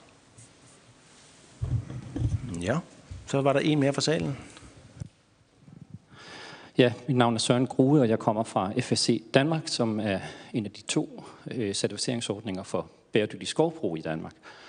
Øh, vi oplever jo, at der i voldsom stigende grad er sektorer, der kigger ind imod øh, skovbruget for at erstatte materialer. Her er det i høj grad beton, der bliver nævnt, men vi ser også, at energiindustrien øh, kigger på flydende brændstof, plastindustrien skal finde ud af, hvad de skal gøre øh, tekstilindustrien kigger på, hvordan erstatter man øh, plast og bomuld med øh, skovbaserede produkter. Øh, så mit spørgsmål er, om der, om der i, i det fokus, der her også er et syn for, at skov øh, ikke altid er bæredygtigt, og om der gøres noget for at, at fremme og belønne øh, danske skovejere, for at øh, gøre den ekstra indsats, de gør for at drive deres skov bæredygtigt, og ligeledes den danske træindustri, som i stigende grad er afhængig af adgang til certificerede råvarer for at kunne komme ind på ikke kun danske, men det internationale marked for at afsætte deres produkter. Ja, er der nogen, der, der kan svare på den udfordring? Det var jo sådan set lidt et politisk spørgsmål, øh, men det er jo sådan set et øh, fint input, at, at i stedet for, at man bare har EU-tilskud til at lave skovrejsning, og man har tilskud til at og præmiere øh, private skovejere, hvis de vil have urørt skov, at så kunne man også forestille sig andet. Det er jo sådan set det, som jeg lytter mig til. Øh, det vil jeg da gerne tage med. Jeg er landbrugsordfører, så jeg er indimellem inddraget i noget omkring EU's øh, tilskud. Der er ikke nogen oppe i panelet, der har markeret til den. Og Hans Christian Schmidt øh, frafaldt, så jeg tror, jeg vil gå over til at øh, runde vores høring af.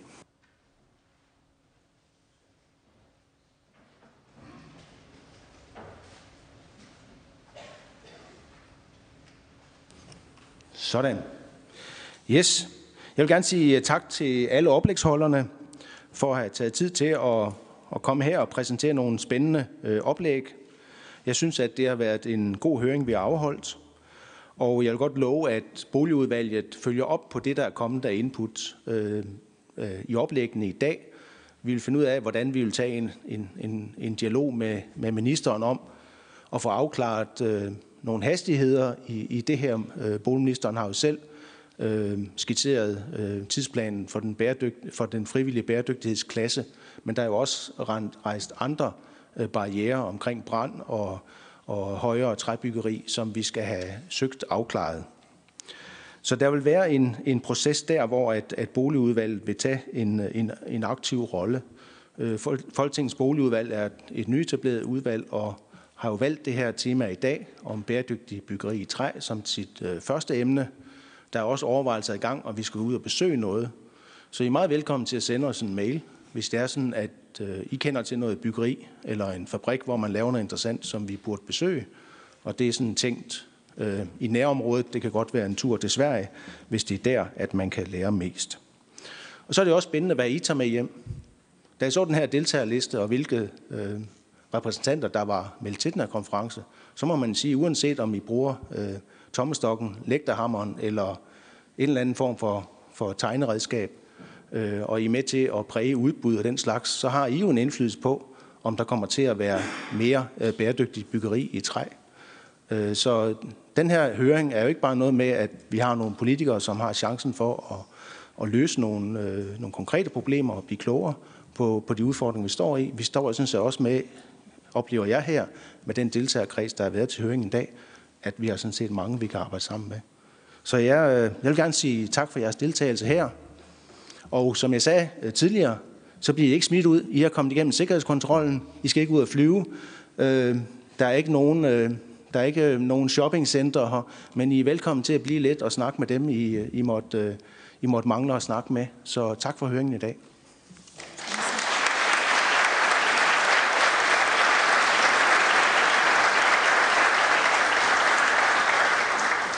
Så er det godt, at vi har en sekretær, for der blev sagt, at præsentationerne, der er blevet vist i dag, de kan ses på Folketingets hjemmeside. Og hvis I kender nogen, der skulle gense den her høring, så ligger det sådan set også som et link på Folketingets hjemmeside, så man går ind og se øh, høringen her. Tak for nu.